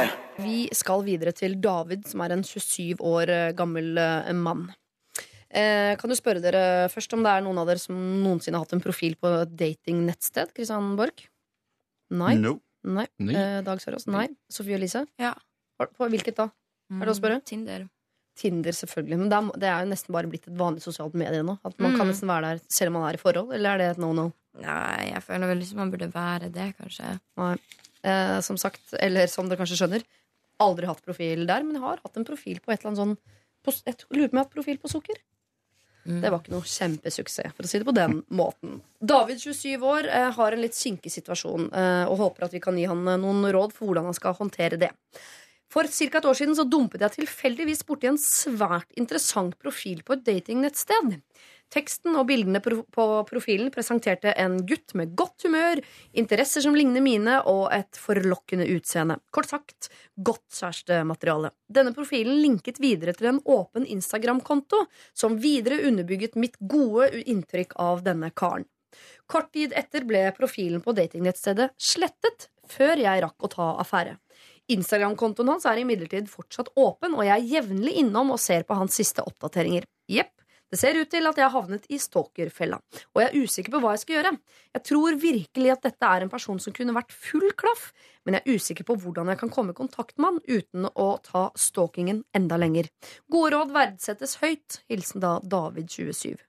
Um, det kan jo hende den personen har fått kjæreste og derfor ikke er på datingnettstedet lenger. Og da er det ikke lov å prøve seg? Det er jo selvfølgelig lov å prøve seg, men jeg tenkte at det kunne være det som var greia. Jeg ville bare ha likt mange av bildene hans på um, Instagram. Ja. Litt sånn hele tida. Legger man merke til det? Ja. Ja, okay. Tror du det? Ja, det er jo en, eh, altså en teknisk hinting som jeg kan sette pris på. Hva tenker eh, du, Dag? Er det lov av David å prøve seg på en fyr som jo på en måte har sagt fra til verden at han ikke vil dates? På en eller annen måte har han det ved å lukke denne datingsiden. Jeg jeg er så enkelt mentalt anlagt at hvis han har noen form for måte å kontakte ham på, så er det egentlig bare å spørre. Til og med på Instagram kan du vel sende sånne personlige meldinger. Ja. Bare spør har du fått deg type. Enkelt og greit. Jeg mener, I mitt hode så er det kanskje fordi jeg blir eldre og det her ikke er en relevant problemstilling for meg, og jeg innser at livet er kort. Det ville vært den enkleste måten å gjøre det på. Um, ja. Ja. Jeg, jeg ble, ble litt clueless på akkurat det her problemstillinga. Det er det eneste jeg kan komme på, i stedet for noe subtil og like alle bilder. Det er mer, ja, det er mer creepy, føler jeg. Litt mer eh, direkte funker. Og da finner du, pluss at da får du det ut av verden veldig fort. Jeg ville kanskje ha tatt og Altså, jeg er ikke på noe datingnettsted nå, og jeg, har liksom, jeg svarer ikke hvis noen skriver til meg på Facebook eller noe sånt. Men for litt siden så fikk jeg en SMS hos en fyr som hadde fått nummeret mitt hos en fyr igjen, så videre, der han bare presenterte seg sjøl. 'Hei, jeg heter dette og dette, dette er mine hobbyer, jeg liker dette, jeg syns du er veldig kul, skal vi bli kjent?' Og da var jeg sånn, ja, sjøl, liksom, for det var så tøft gjort. Og hvis det her ikke er en Instagram-kjendis, og det er en normal person han på en måte stalker, da, så ville han sikkert ha satt veldig stor pris på å få en melding i innboksen bare sånn 'Hei, jeg fant deg på dette, dette nei, nei, øh, datingnettstedet. Jeg har helt ærlig stalka deg, jeg syns du så, ser så bra ut, og du virker så kul. Det her er meg, skal vi bli kjent, liksom? Ja.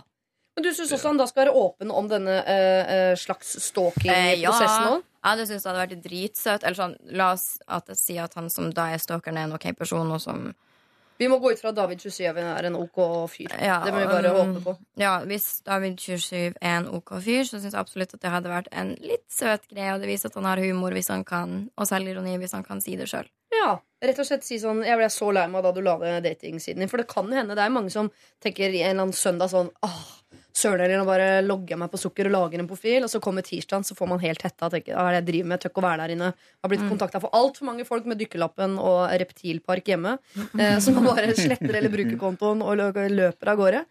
Jeg syns også David her kan gå rett på og være ganske sånn halvåpen om stalkinga si. Og være, det er jo lov å prøve seg på hvem man vil, egentlig. Egentlig, jeg tenker Det var en smart idé, for hvis du er åpen om eh, Stalker høres jo mye mer alvorlig ut enn det egentlig er i dette tilfellet. Men hvis personene du er interessert i, ikke har såpass humor at han takler det, da er det vel like greit at det ikke noe av. Ja, for vi regner, eller jeg regner med at David 27 er jo ikke forelska, kanskje, så han klarer vel et eventuelt ikke svar eller avslag. Nå lever Ja. han jo et slags håp, så det er jo bedre å bare ja, få vite det.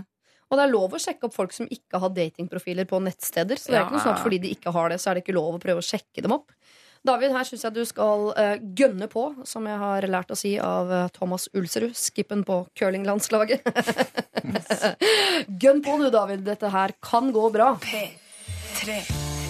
Dette er Lørdagsrådet på P3.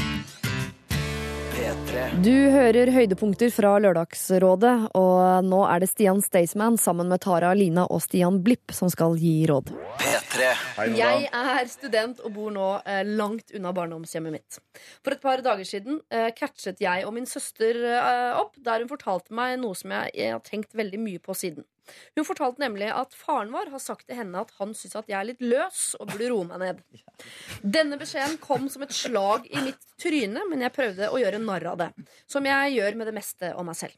Men i går kveld snudde det seg helt. Jeg kan ikke huske sist jeg gråt så mye.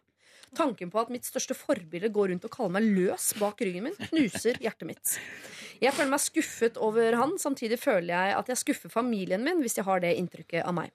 Samtidig er det jo en del av meg som blir sint over at han kan si noe sånt om meg, og lurer på om dette er noe jeg skal ta opp med han. Skal jeg gjøre det, eller skal jeg bare la han tro at jeg er en løs hore? Hvordan gjør jeg dette på en måte som ikke ødelegger tilliten til min personlige superhelt? Tusen takk for all hjelp. Hilsen knust datter Nora. Jeg skal si fra at hun, er 21 år, eh, glad i festing mer enn folk flest.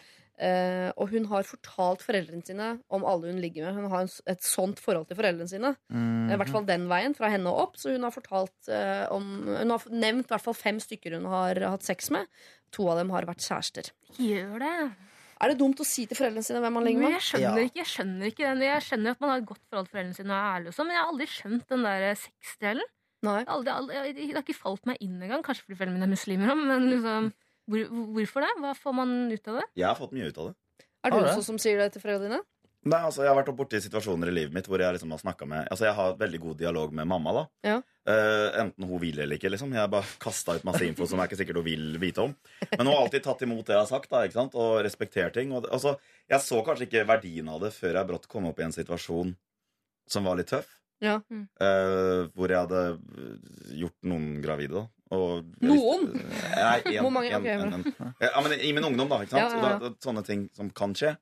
Og, og da var det faktisk ufattelig digg å kunne kaste ball med noen som sto deg nært. Og, og, og, det, og, det, og det tror jeg ikke. Hadde ikke vært for at jeg tok den dialogen i ung alder, så tror jeg det hadde vært vanskeligere å snakke med mora mi om det. enn- Men, så, men det var en annen sak enn det her, da. Ja, men, Men jeg tror man eh, Jeg tror som eh, Jeg vet ikke om det om man skal egentlig være litt kjønnsnøytral på det, men jeg ville heller snakket med mor om det enn far. Ja. Jeg te- faktisk kan man skåne eh, far litt grann for at, Fordi pappa eh, har at det du driver og ligger med folk. Det vil ikke pappa vite. Nei, nei, altså pappa vil ikke vite det i det hele tatt. Jeg, altså, jeg vet jo, jeg, jeg er ikke far, men jeg er jo storbror til uh, to søs, uh, søstre. Hun ene er 22, og hun andre er 17. Så jeg er jo sånn jeg, hadde, jeg, hadde jeg bodd hjemme i Bergen, så hadde jeg stått på døren med balltre eh, og helsetrøye hele tiden og skremt unna beilere. Så eh, jeg tror ikke Hadde jeg vært far, så det jeg i hvert fall ikke hatt lyst til å vite det. Men, men det unnskylder heller ikke faren. For Han skal jo ikke gå rundt og si at datteren sin er løs. Eh, Det syns jeg ikke er på sin plass, men Nei, det skål skål nå, pappa, for dette sexpratet. da. Men har pappa sagt dette her kanskje til storesøster for at han vil at storesøster skal formidle dette videre til løse-Nora? Er det det hun heter? Eh, nå gjør hun det. Før het hun bare Nora. Men Jeg mener ikke, jeg mener ikke at Nora er løs, men bare men, uh, pappas, Ja, det, kan jo ha vært et hint Ja. fra faren som han har gjort i beste mening, kanskje. Og så vil, vil han ikke si det selv. Så han, kan ikke du bare ta det opp med ho? Mm. Og så har han brukt ordet 'løs'. Men så har han kanskje ikke tenkt at hun ville formidle det så direkte. Nei, sant? Men jeg skjønner at han syns det også, ikke fordi at det er mye uh, at han vet om at hun har ligget med fem stykker, men når alle eh, pappaene han har som kompiser, eh, tror at døtrene deres har ligget med null, så er jo fem ganske mye mer enn null. Så i hans øyne så vil han si at hun er mye løsere enn de andre jentene i, i kompisgjengen. For hun ligger med fem flere enn døtrene til Knut og Pål og Einar og alle de andre i kompisgjengen. Men er ikke pappa bare redd for at Nora skal bli preggers? Vet ikke hva han er redd Alle pappaer er redd for at døtrene dine skal ligge over hodet. Ja, jeg, tror, jeg tror ikke de har lyst at datteren jeg tror dat, De vil egentlig at døtrene sine skal være inne i sånn eh, glasskabinett eh, fram til de er 27, Ja. eh, og ikke gjøre noe slemt. Men eh, eh, jeg Nei, jeg syns man kanskje ikke skal si sånn Eh, hvor var du i går? Jeg lå med noen dudes i går. Jeg var midt i en sånn der eh, skinn eh, Ja, fordi haug hun må av ha tatt opp. Hun må ha tatt opp. Ja, Eller altså- kanskje hun har snakket om det rundt middag. Sånn, ja, faen, altså, jeg lå med en fyr. Og så vet du at pappa sitter og tenker Jævla hore. Ja. har Oi. tenkt. Det er kanskje ikke hore, men uh, Nora, dør er løs. Ja. Men altså, jeg syns jo det er litt feil å misbruke den tilliten man da får av sin datter. Fordi at hun tør å ta det opp med pappaen sin. Mm. Ja. Og som vi om i sted, ikke sant, Det er deilig å ha noen å kaste ball med hvis det er noe man faktisk trenger hjelp til. Ja. Og da er det jo gøy, og da er det jo fint å kunne snakke om sex. Enig. Enig. Og, og jeg syns jo eh, at pappaen kaller henne løs når hun prøver, og når hun faktisk er såpass ærlig på det, det syns jeg er dårlig gjort. Mm. Men det, er- det er jo helt annet å si at eh, jeg syns du skal roe det litt ned nå. Mm. Du kan jo pakke det inn litt finere. Ja, roe litt ned på den guttene og den festinga. Han vil jo bare hennes beste. Han Ja. ønsker jo at hun skal etablere Han, vil, han elsker henne jo og vil jo bare vil at hun at- skal ha det bra. Men jeg Han tror skal det ikke være dømmende. Det er det som det går på. Jeg, det synes jeg, Da går det over streken at hvis han begynner å være dømmende overfor dattera si. Men jeg tror, jeg, tror, jeg tror det handler litt om sjargong her òg. For jeg er veldig enig i at altså Hvis du sier sånn Pappa, du, jeg må spørre deg om en ting. Du har gjort dette her, og jeg hadde sex med en fyr, og jeg vet ikke, og jeg tror kanskje ditt og datt. Da er det denne tillits... eh, Da, er det sånn tillitssjargong inne i bildet. Men hvis du sitter på middagsbordet sånn Å, fy faen, jeg er så sliten. Jeg lå med tre dudes i går. Det var bare faen meg full fest. Så er det sånn at du har etablert en sånn sånn sjargong eh, som, som er annerledes enn det tillitsgreiene. Ja, og det er kanskje stor forskjell, altså. Sjargongen har blitt etablert allerede. Hvis det er sånn Ja, ja, ja, og du sitter på middagsbordet Å, herregud, jeg lå med vinneren av Paradise og noe greier i går, liksom. Hvis det er sjargongen, så skjønner jeg at si da får du lov til å bruke det. Ja. Ja, for da tror kanskje han at det er sånn Å, herregud, er jeg med på sjargongen nå? Shit, ass, dattera mi er løs, liksom. Pappa. Men trigger ikke dette egentlig bare Nora til å vil Jeg vil jo tro at det trigger noe rebelsk i henne som gjør at hun vil ligge mer. Ja, det kan godt hende. Hvis hun har noe Men hun må jo få lov til det. Ja. Eh, kjære Nora, eh, du må få lov til å ligge med de du vil ligge med. Du trenger ikke å si det til pappa hver gang, selv om det er fint å ha tillit eh, med foreldrene sine. Så i hvert fall eh, pass litt på sjargongen. Om du skal ta opp dette med pappa, eh, det rakk vi vel aldri helt å snakke om, eh, men jeg syns jeg aner et nei der, altså. Eh, jeg tror ikke dette er noe du og pappaen hennes trenger å snakke om. Han mener ikke at du er løs hore, på en måte. Han vil bare ditt beste, og det blir litt mye for han å drive og høre om eh, dine eskapader der eh, ute. Så ta og ro litt ned på delinga, eh, og la denne her bare gli forbi, rett og slett.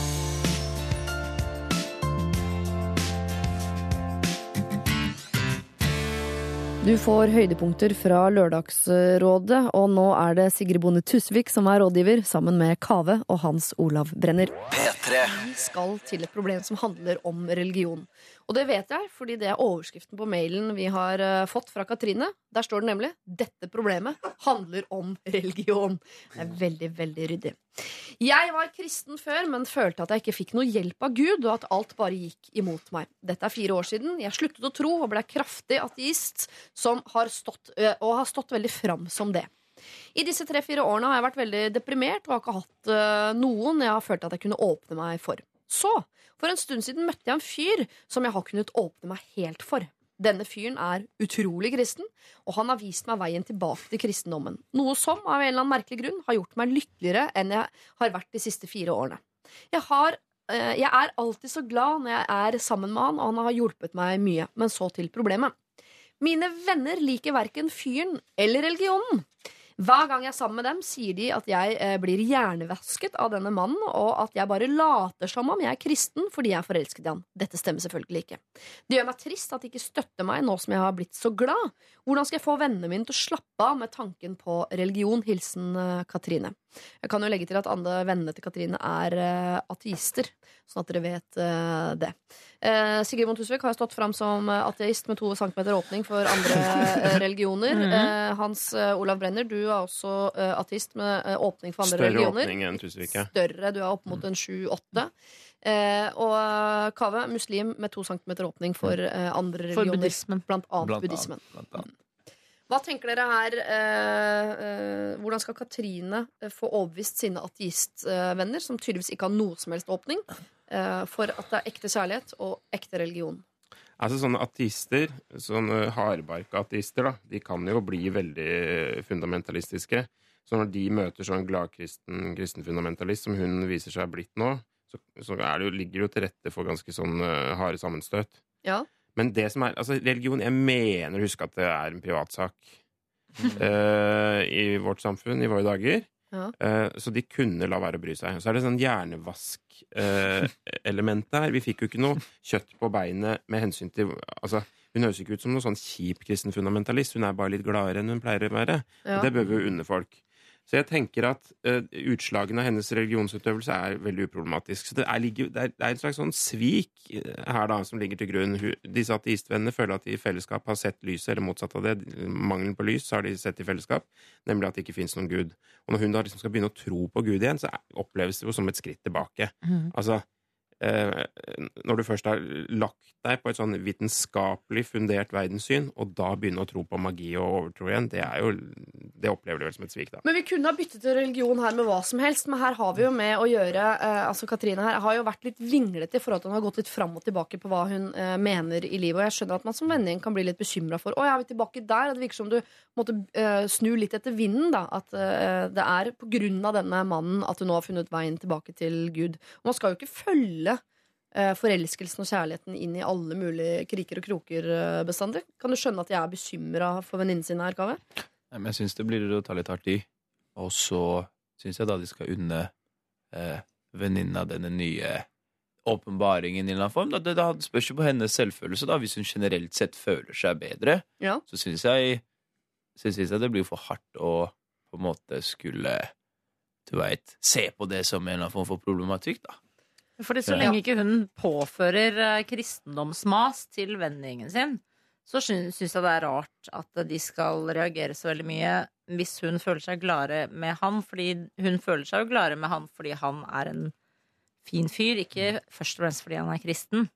Nei. Men eh, hvis hun begynner å mase om Jesus i eh, den ateistiske vennegjengen, da hadde jeg surna uansett om hun hadde blitt muslim eller kristen eller buddhist, så blir man jo sur på folk som maser om noe de selv syns er viktig, som du selv bare åh, La meg slippe. Ja. Så det er jo som Hans Olav sier kanskje da at eh, det er jo en privatsak, så man trenger ikke å være så veldig opptatt av eh, eh, at hun muligens har blitt kristen. Men at hun heller har møtt en hyggelig fyr.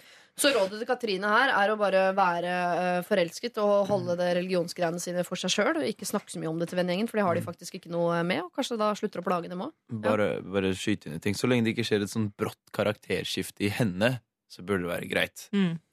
Ja, og det kan man jo nesten si at det er, for at hun omtalte seg selv som ikke bare ateist eller skeptisk til religion og sånn, men hun var rett og slett en kraftig ateist, og da var det ikke betydningen tjukk eller at hun har lagt på seg, men hun var liksom nesten ytterliggående i sin eh, manglende tro på Gud. Ja. Og så plutselig bli sånn enormt gladkristen og ha tro på at det fins en mening med det hele. Jeg skjønner jo at omgivelsene kan bli litt forvirret av det skiftet. Ja. Um, og at fundamentet rundt under vennskap eller hva man har snakket med, om og sånn, blir litt borte. Så hun må nok gå litt forsiktig frem her i, i, i eh, måten hun snakker om det på, kanskje. Dette vet vi jo ikke, men det virker som hun har hatt denne vennegjengen gjennom alle disse fasene. At forrige gang hun var kristen, så var det også disse ateistvennene hun hadde. Og så når hun gikk da over til å bli ateist, så tenker hun sånn Å, hun er inne på vår banehalvdel, og så forsvinner hun ut igjen. Og den forvirringen kan jeg også forstå. Kan fort bli en stående vits i seg. Har ikke hørt det? Når jeg er blitt kristen igjen. Selvfølgelig. Men de burde jo også klare som gode venner å se transformasjonen i henne fra uh, lykkelig til ikke lykkelig og tilbake til lykkelig. Og den burde jo være viktigere enn akkurat hvem han fyren var og hvilken religion hun er innom, tenker jeg da. Hvis hun er lykkelig, så er det bra. Men skjedde det forrige skift i møte med en annen kar? Nei, det står det ikke noe om. Der virker det mer at hun følte ikke at hun fikk hjelp. Hun slo opp med Gud mer enn hun slo opp med en mann sikkert en kristen eh, oppvekst, da, og så slo hun opp. Ja, det vil jeg tro. Og nå er hun tilbake igjen. Så det er ikke så rart at hun egentlig kommer tilbake igjen, da. Nei. Nei. Jeg skal skyte en ting. Jeg gleder meg til når du møter Mustafa og blir muslim. Da skal artistene bli sure. Da. da skal de kjenne på det. Da skal i hvert fall den veldig kristne eksen bli ganske sur, vil jeg tro. Eh, Stol på det, du Katrine, at du har det bra, og vennene dine vil se det på sikt. Så trenger du kanskje ikke å snakke så innmari mye om Jesus både her og der, men bare vær lykkelig og lev liksom i den bastante overbevisningen om at der du er nå, det er et virkelig bra sted. Er P3. Høydepunkter fra Lørdagsrådet hører du på, og nå er det Niklas Baarli, Tore Strømøy og Silje Storstein som er rådgivere. Hei, Lørdagsrådet. Jeg og samboeren min er i 20-årene. Vi har vært sammen i flere år. Han irriterer seg mye mer over småting enn jeg. Han irriterer seg daglig over at jeg glemmer å ta opp eh, håndduken fra gulvet etter at jeg dusjet, at jeg ikke lukker dusjdøra etter at jeg dusjet, at jeg lar noen kniver ligge i oppvaskkummen istedenfor å vaske dem eh, med en gang, at det ligger matrester i oppvaskkummen, at jeg ikke lukker døra på vaskemaskinen, at jeg ikke lukker døra etter meg når jeg går fra do, at jeg ikke lukker klesskapet når jeg henter klær, at jeg bruker for mange hyller på badet, at jeg ikke vasker komfyr når jeg rydder kjøkkenet. Ja, jeg har noen ting å forbedre, og jeg prøver virkelig så godt jeg kan å forbedre meg, men problemet er at han kommenterer disse tingene annenhver dag. Noe jeg syns er slitsomt, og klarer dermed ikke å ta imot hans kritikk uten å gå i forsvar. Og der starter kranglinga, og kranglinga kan bli heftig. Han mener at jeg må tåle at han sier ifra, og jeg mener at han må lære seg å ikke bli irritert over småting, og at han heller kan si ifra om ting som irriterer han sånn ja, annenhver uke, da, istedenfor annenhver dag. Vi er tross alt en familie. Må man ikke da tåle å rydde opp etter andres rot uten at man blir irritert? Hvordan kan vi møtes på halvveien? Hva mener Lørdagsrådet? Hjelp! Hilsen en litt distré samboer som gjør det beste hun kan, Mona. Helt enig, her må noen møtes på halvveien, men hvor er halvveien, Tore Strømøy? Ja, si det. Si det. Eh, Det høres i hvert fall ut som en far i forholdet her bør kanskje roe seg litt ned og innse at han nå er blitt eh, Han bor ikke alene lenger. Og at eh, han da må finne seg i noe. eh, At han går og irriterer seg, irriterer seg over alt. Det høres jo ikke helt bra ut, for å si det sånn. Nei. Men vi får håpe at det ikke skyldes at han begynner å bli lei av hele dama. Men at eh, at den kanskje er Og nå gjorde du problemet enda større og verre! Men man sier jo det, gjør man ikke da? At når, man- når man begynner å se så masse feil til den du bor sammen med, så er det en mhm. Ja, noen større bjeller som burde ringe. Ja, Ja. men det kan jo være her at det er bare en, at det er en, en veldig pertentlig Han har bodd i leiren hele tida og har, Mm. har hatt uh, strykekant på alt i hop. Jeg vet ikke, så Men jeg tror nok hvis han skal fortsette å bo sammen med noen, så må, man, må han i hvert fall gi seg lite grann. Syns det var litt heftig, det her. Han må gi seg på hakkinga, rett og slett. Ja, han må nok svøre noe, og så kan du jo ta opp den håndduken der. Du kan ha igjen den døra. Det gjør jo ingenting. Jeg mener, Hvis han er vilt, vilt glad i dama, så gjør han jo det. Ja, men kan ikke hun også uh, ta opp håndkleet fra gulvet da, når han har sagt tusen ganger at han blir irritert på det? Kan hun ikke bare gjøre det da, Niklas? Jo, det, det høres ut som uh, det er min samboer som har sendt inn dette problemet. Eh, Kanskje det er det? Ja, det, Jeg, ble, jeg ble veldig redd for det. Men uh, Pleier han å kalle seg Mona? Sånn, Nei, egentlig ikke. Nei. Men eh, nei, fordi det er ikke bare å ta opp den håndduken fra gulvet og lokke det skapet. Fordi eh, noen ting er han bare ikke god på. Og det, jeg tror det ligger i personlighet. Jeg er en skikkelig rotekopp. Og det advarte jeg om før jeg ble sammen med min nåværende kjæreste. Ja. Og han aksepterte det på det tidspunktet. Da kan du ikke komme nå, fire år etterpå, og si sånn Ja, Den argumentasjonen der, jeg vet at den fins, men jeg, Og jeg, og jeg er jo så ekstremt lei av næging, liksom. Fordi det er jo det, det som skjer. Næging, næging, næging, og det blir krangling, krangling, krangling. Og da øh, og, jeg, det- og jeg kjenner meg igjen, fordi man prøver oppriktig å ta seg sammen, men det går ikke. Nei. Eh, fordi jeg er ikke skapt til å være ryddig. Men Så da fins det ikke noe halvvei heller, da? For du kommer aldri til å ta den håndduken opp fra gulvet osv. Så, videre. så den eneste som må uh, endre seg, er at uh, han som neger, må slutte å nege og godta at det er sånn? Ja, så må man lage noen, uh, noen ordninger, da. Hvor man, eh, hvor man nærmest blir holdt i hånda gjennom ting. Det, blir, det skjer hjemme hos oss titt og ofte. Ja. Hvor, hvor jeg, mine samboere kommer og sier Nå er det ryddedag, og nå skal, må du være med. Ja. Eller, ja. Og veldig Eh, tydelig på det. Ja, så, da har vi sånne ordninger, og da er det litt sånn barnehage. Men, eh, og da, da, men da lyster jeg da som, en, eh, som et barn. Ja.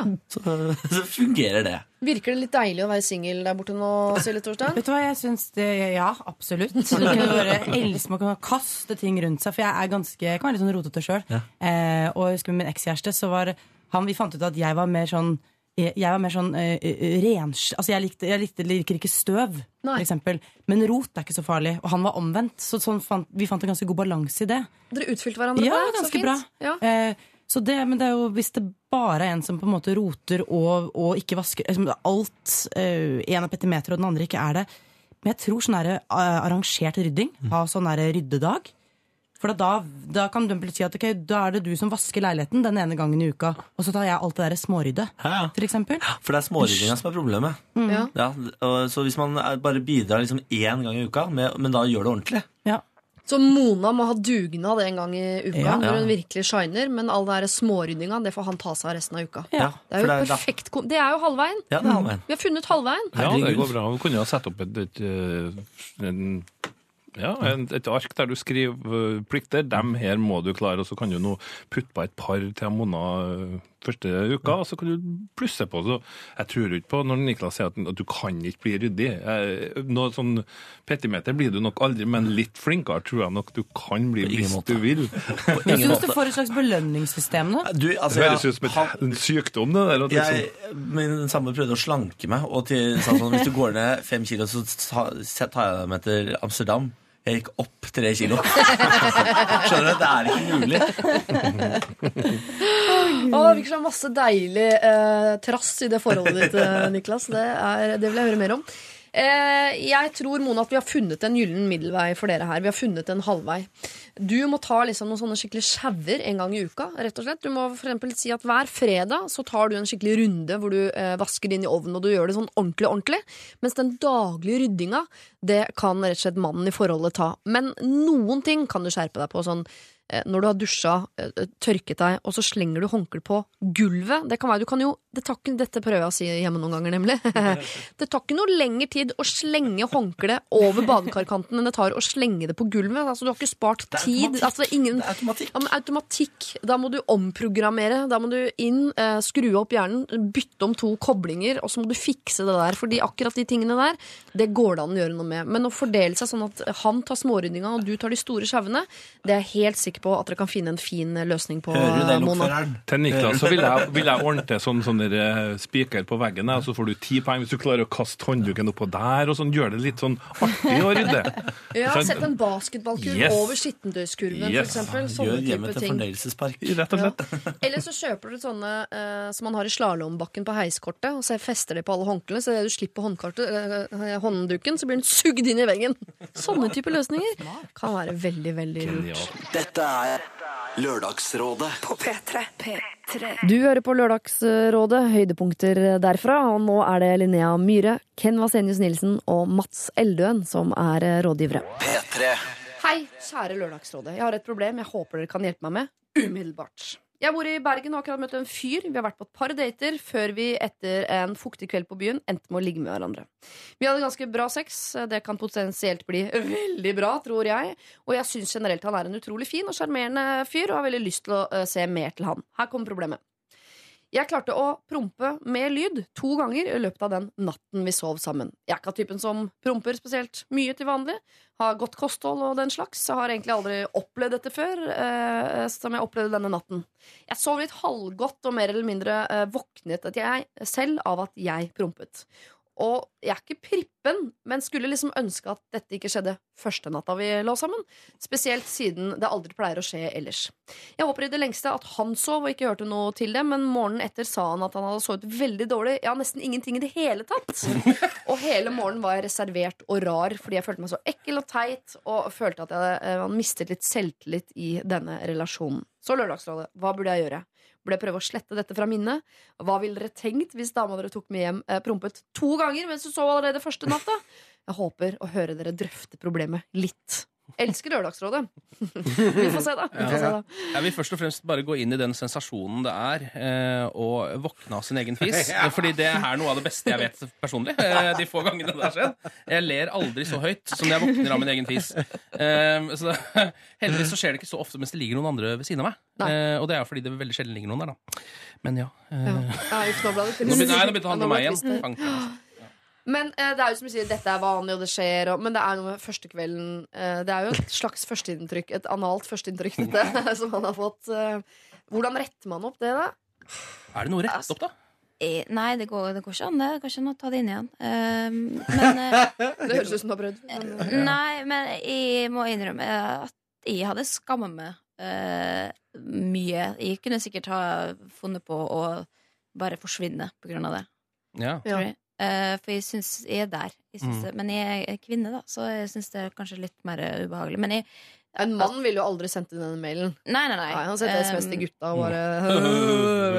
Men det er, ja, for det er jo en sånn litt eh, intim og, og, og flau greie, og spesielt hvis du ikke kjenner vedkommende. Um, Men altså, man må bare heves over og regne med at hvis man bare Altså, samme som å ha en one night stand, det kan jo være ganske pinlig liksom, når man kommer på ting som har skjedd, eller eh, sånne ting eh, de første dagene, og så går det noen uker, måneder, og så tenker man yes, det var bare en erfaring, på en måte. Det, det skjedde. Og da er det ikke så viktig. Men det er kanskje viktig akkurat nå når det akkurat har skjedd.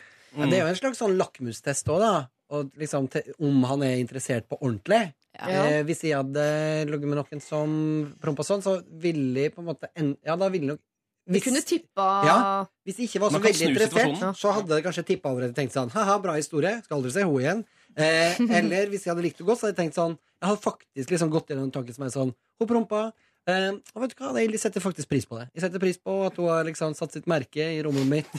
Eh, Satt sitt merke i rommet mitt? ja. Hvordan fising tror du hun driver? jo, men et sånt gassmerke, da, eller liksom markert sitt revir. Um, Ja, for hadde du liksom reagert med at dette mennesket ville ikke møte igjen fordi hun prompa? Nei, Hvis utgangspunktet ikke var så fysen, så det Ja. hjelper ikke på. nei, det er det. Nei, men det, det sa hun ikke noe Eller fikk jo Nei, det vet jeg. Nei, men det som gjør dette problemet her vanskelig, er at hun vet ikke om han har hørt det, og hun vet ikke om han ville ha likt henne uansett. Så det er så Mhm. mye, Og det er egentlig, eh, så vidt jeg kan se, ikke noen sånn genial måte å finne ut av det på. Heller, fordi hvis han ikke vet, og du spør, så vet han jo. Mm. Uh, hvis han vet, og du ikke sier noe om det som kunne vært Altså, Man vet ikke hva man skal gjøre, for man vet må ikke hvem som vet hva. Det må også sies at uh, hvis, hun skulle, altså, hvis hun skulle spørre om det, og, han, og da avsløre seg på den måten, så gjør det ingenting. Fordi hvis man ikke har hørt det, og noen snakker om at de kanskje har prompa en gang, så har de ikke gjort det. Måte, Hvis ikke du har hørt det eller lukta det, Nei. så har det ikke skjedd. Det beste hadde jo vært om du skulle ha kommentert det morgenen etter. Sånn, sånn, Haha, det var jo Ja. eh, Ja. typisk det, da. Første kvelden at Lilly ja. Ja. Men det er for seint. Nei, man kan ikke, og nå er det i hvert fall for sent. Du skal ta det opp tre uker etterpå. Sånn, «Eh, du husker den? Altså, da jeg, hørte du Altså, ja, Er ikke det for seint? Ja, det Ja. er så for seint, det. Jeg husker en gang jeg gikk på, jeg gikk på kickboksing da jeg gikk på ungdomsskolen. Ja. Og da, eh, under styrketrening, eh, en øving, så måtte de ta det så hardt at de prompa. Ja. Eh, og så tenkte la, la merke til det. Neste time så var det navneopprop. Så kom mitt navn. Liksom, Mats Eldøen. Og så var det en av gutta, en av liksom, for alle var liksom fem år eldre enn meg, sa sånn Og da bare reiste jeg meg opp og gikk. Kom aldri tilbake. Så eh, det finnes en måte du kan ligge med han igjen, prøve å ligge med den, og hvis han begynner å gjøre sånn Hvis han begynner å lage prompelyder, så veit hun at han har lagt merke til det, og da kan du reise seg opp og gå. Jo, jo, men det er jo også Det er jo så vanlig altså, Jeg vil si legg det bak det. Get over it, liksom. Det er ikke så jævlig viktig. Og bare i hvert fall gi, et, gi et forsøk til. Prøv, prøv å ligge med det en gang til, eh, uten å prompe. Eh, og så, hvis ikke han har lyst til det i utgangspunktet engang, så må man jo bare ta Jeg tror ikke det er prompinga som har noe å si for hvem du velger som, som partner, altså. Jeg tenker Det man kan bruke den fisen til her, er uh, Fordi jeg tenker at toget har litt godt for å gjøre dette her til en sånn uh, morsom ting. Sånn, Ja, hæ, hæ, og finne ja. ut av stille spørsmål og sånn. Det tror jeg ikke, dette er ikke en samtale dere skal ha på noe som helst tidspunkt, med mindre dere blir sammen, og det blir, er gøy om et år. Men det du kan bruke dette til, er at du sjekker sånn uh, du, Ikke tenk noe mer på den fisinga. Sjekk om dere møtes igjen. Eh, og gjør dere det, så lar du det bare ligge og se hvordan det går. Liker han deg, så liker han deg jo, alt er, eh, er fint. Uh, hvis han ikke vil treffe deg igjen, så ville jeg mentalt brukt sånn Han elsket meg jo, jeg er jo et fantastisk menneske. Det var den fisen som ødela. Så hadde jeg brukt det i, i mitt eget sinn til å forklare hvorfor ikke denne mannen elsket gudinnen, meg selv. Uh, det hadde jeg bare mentalt for å komme meg gjennom det on top of things, på en eller annen måte. Dette er Lørdagsrådet på P3. P3.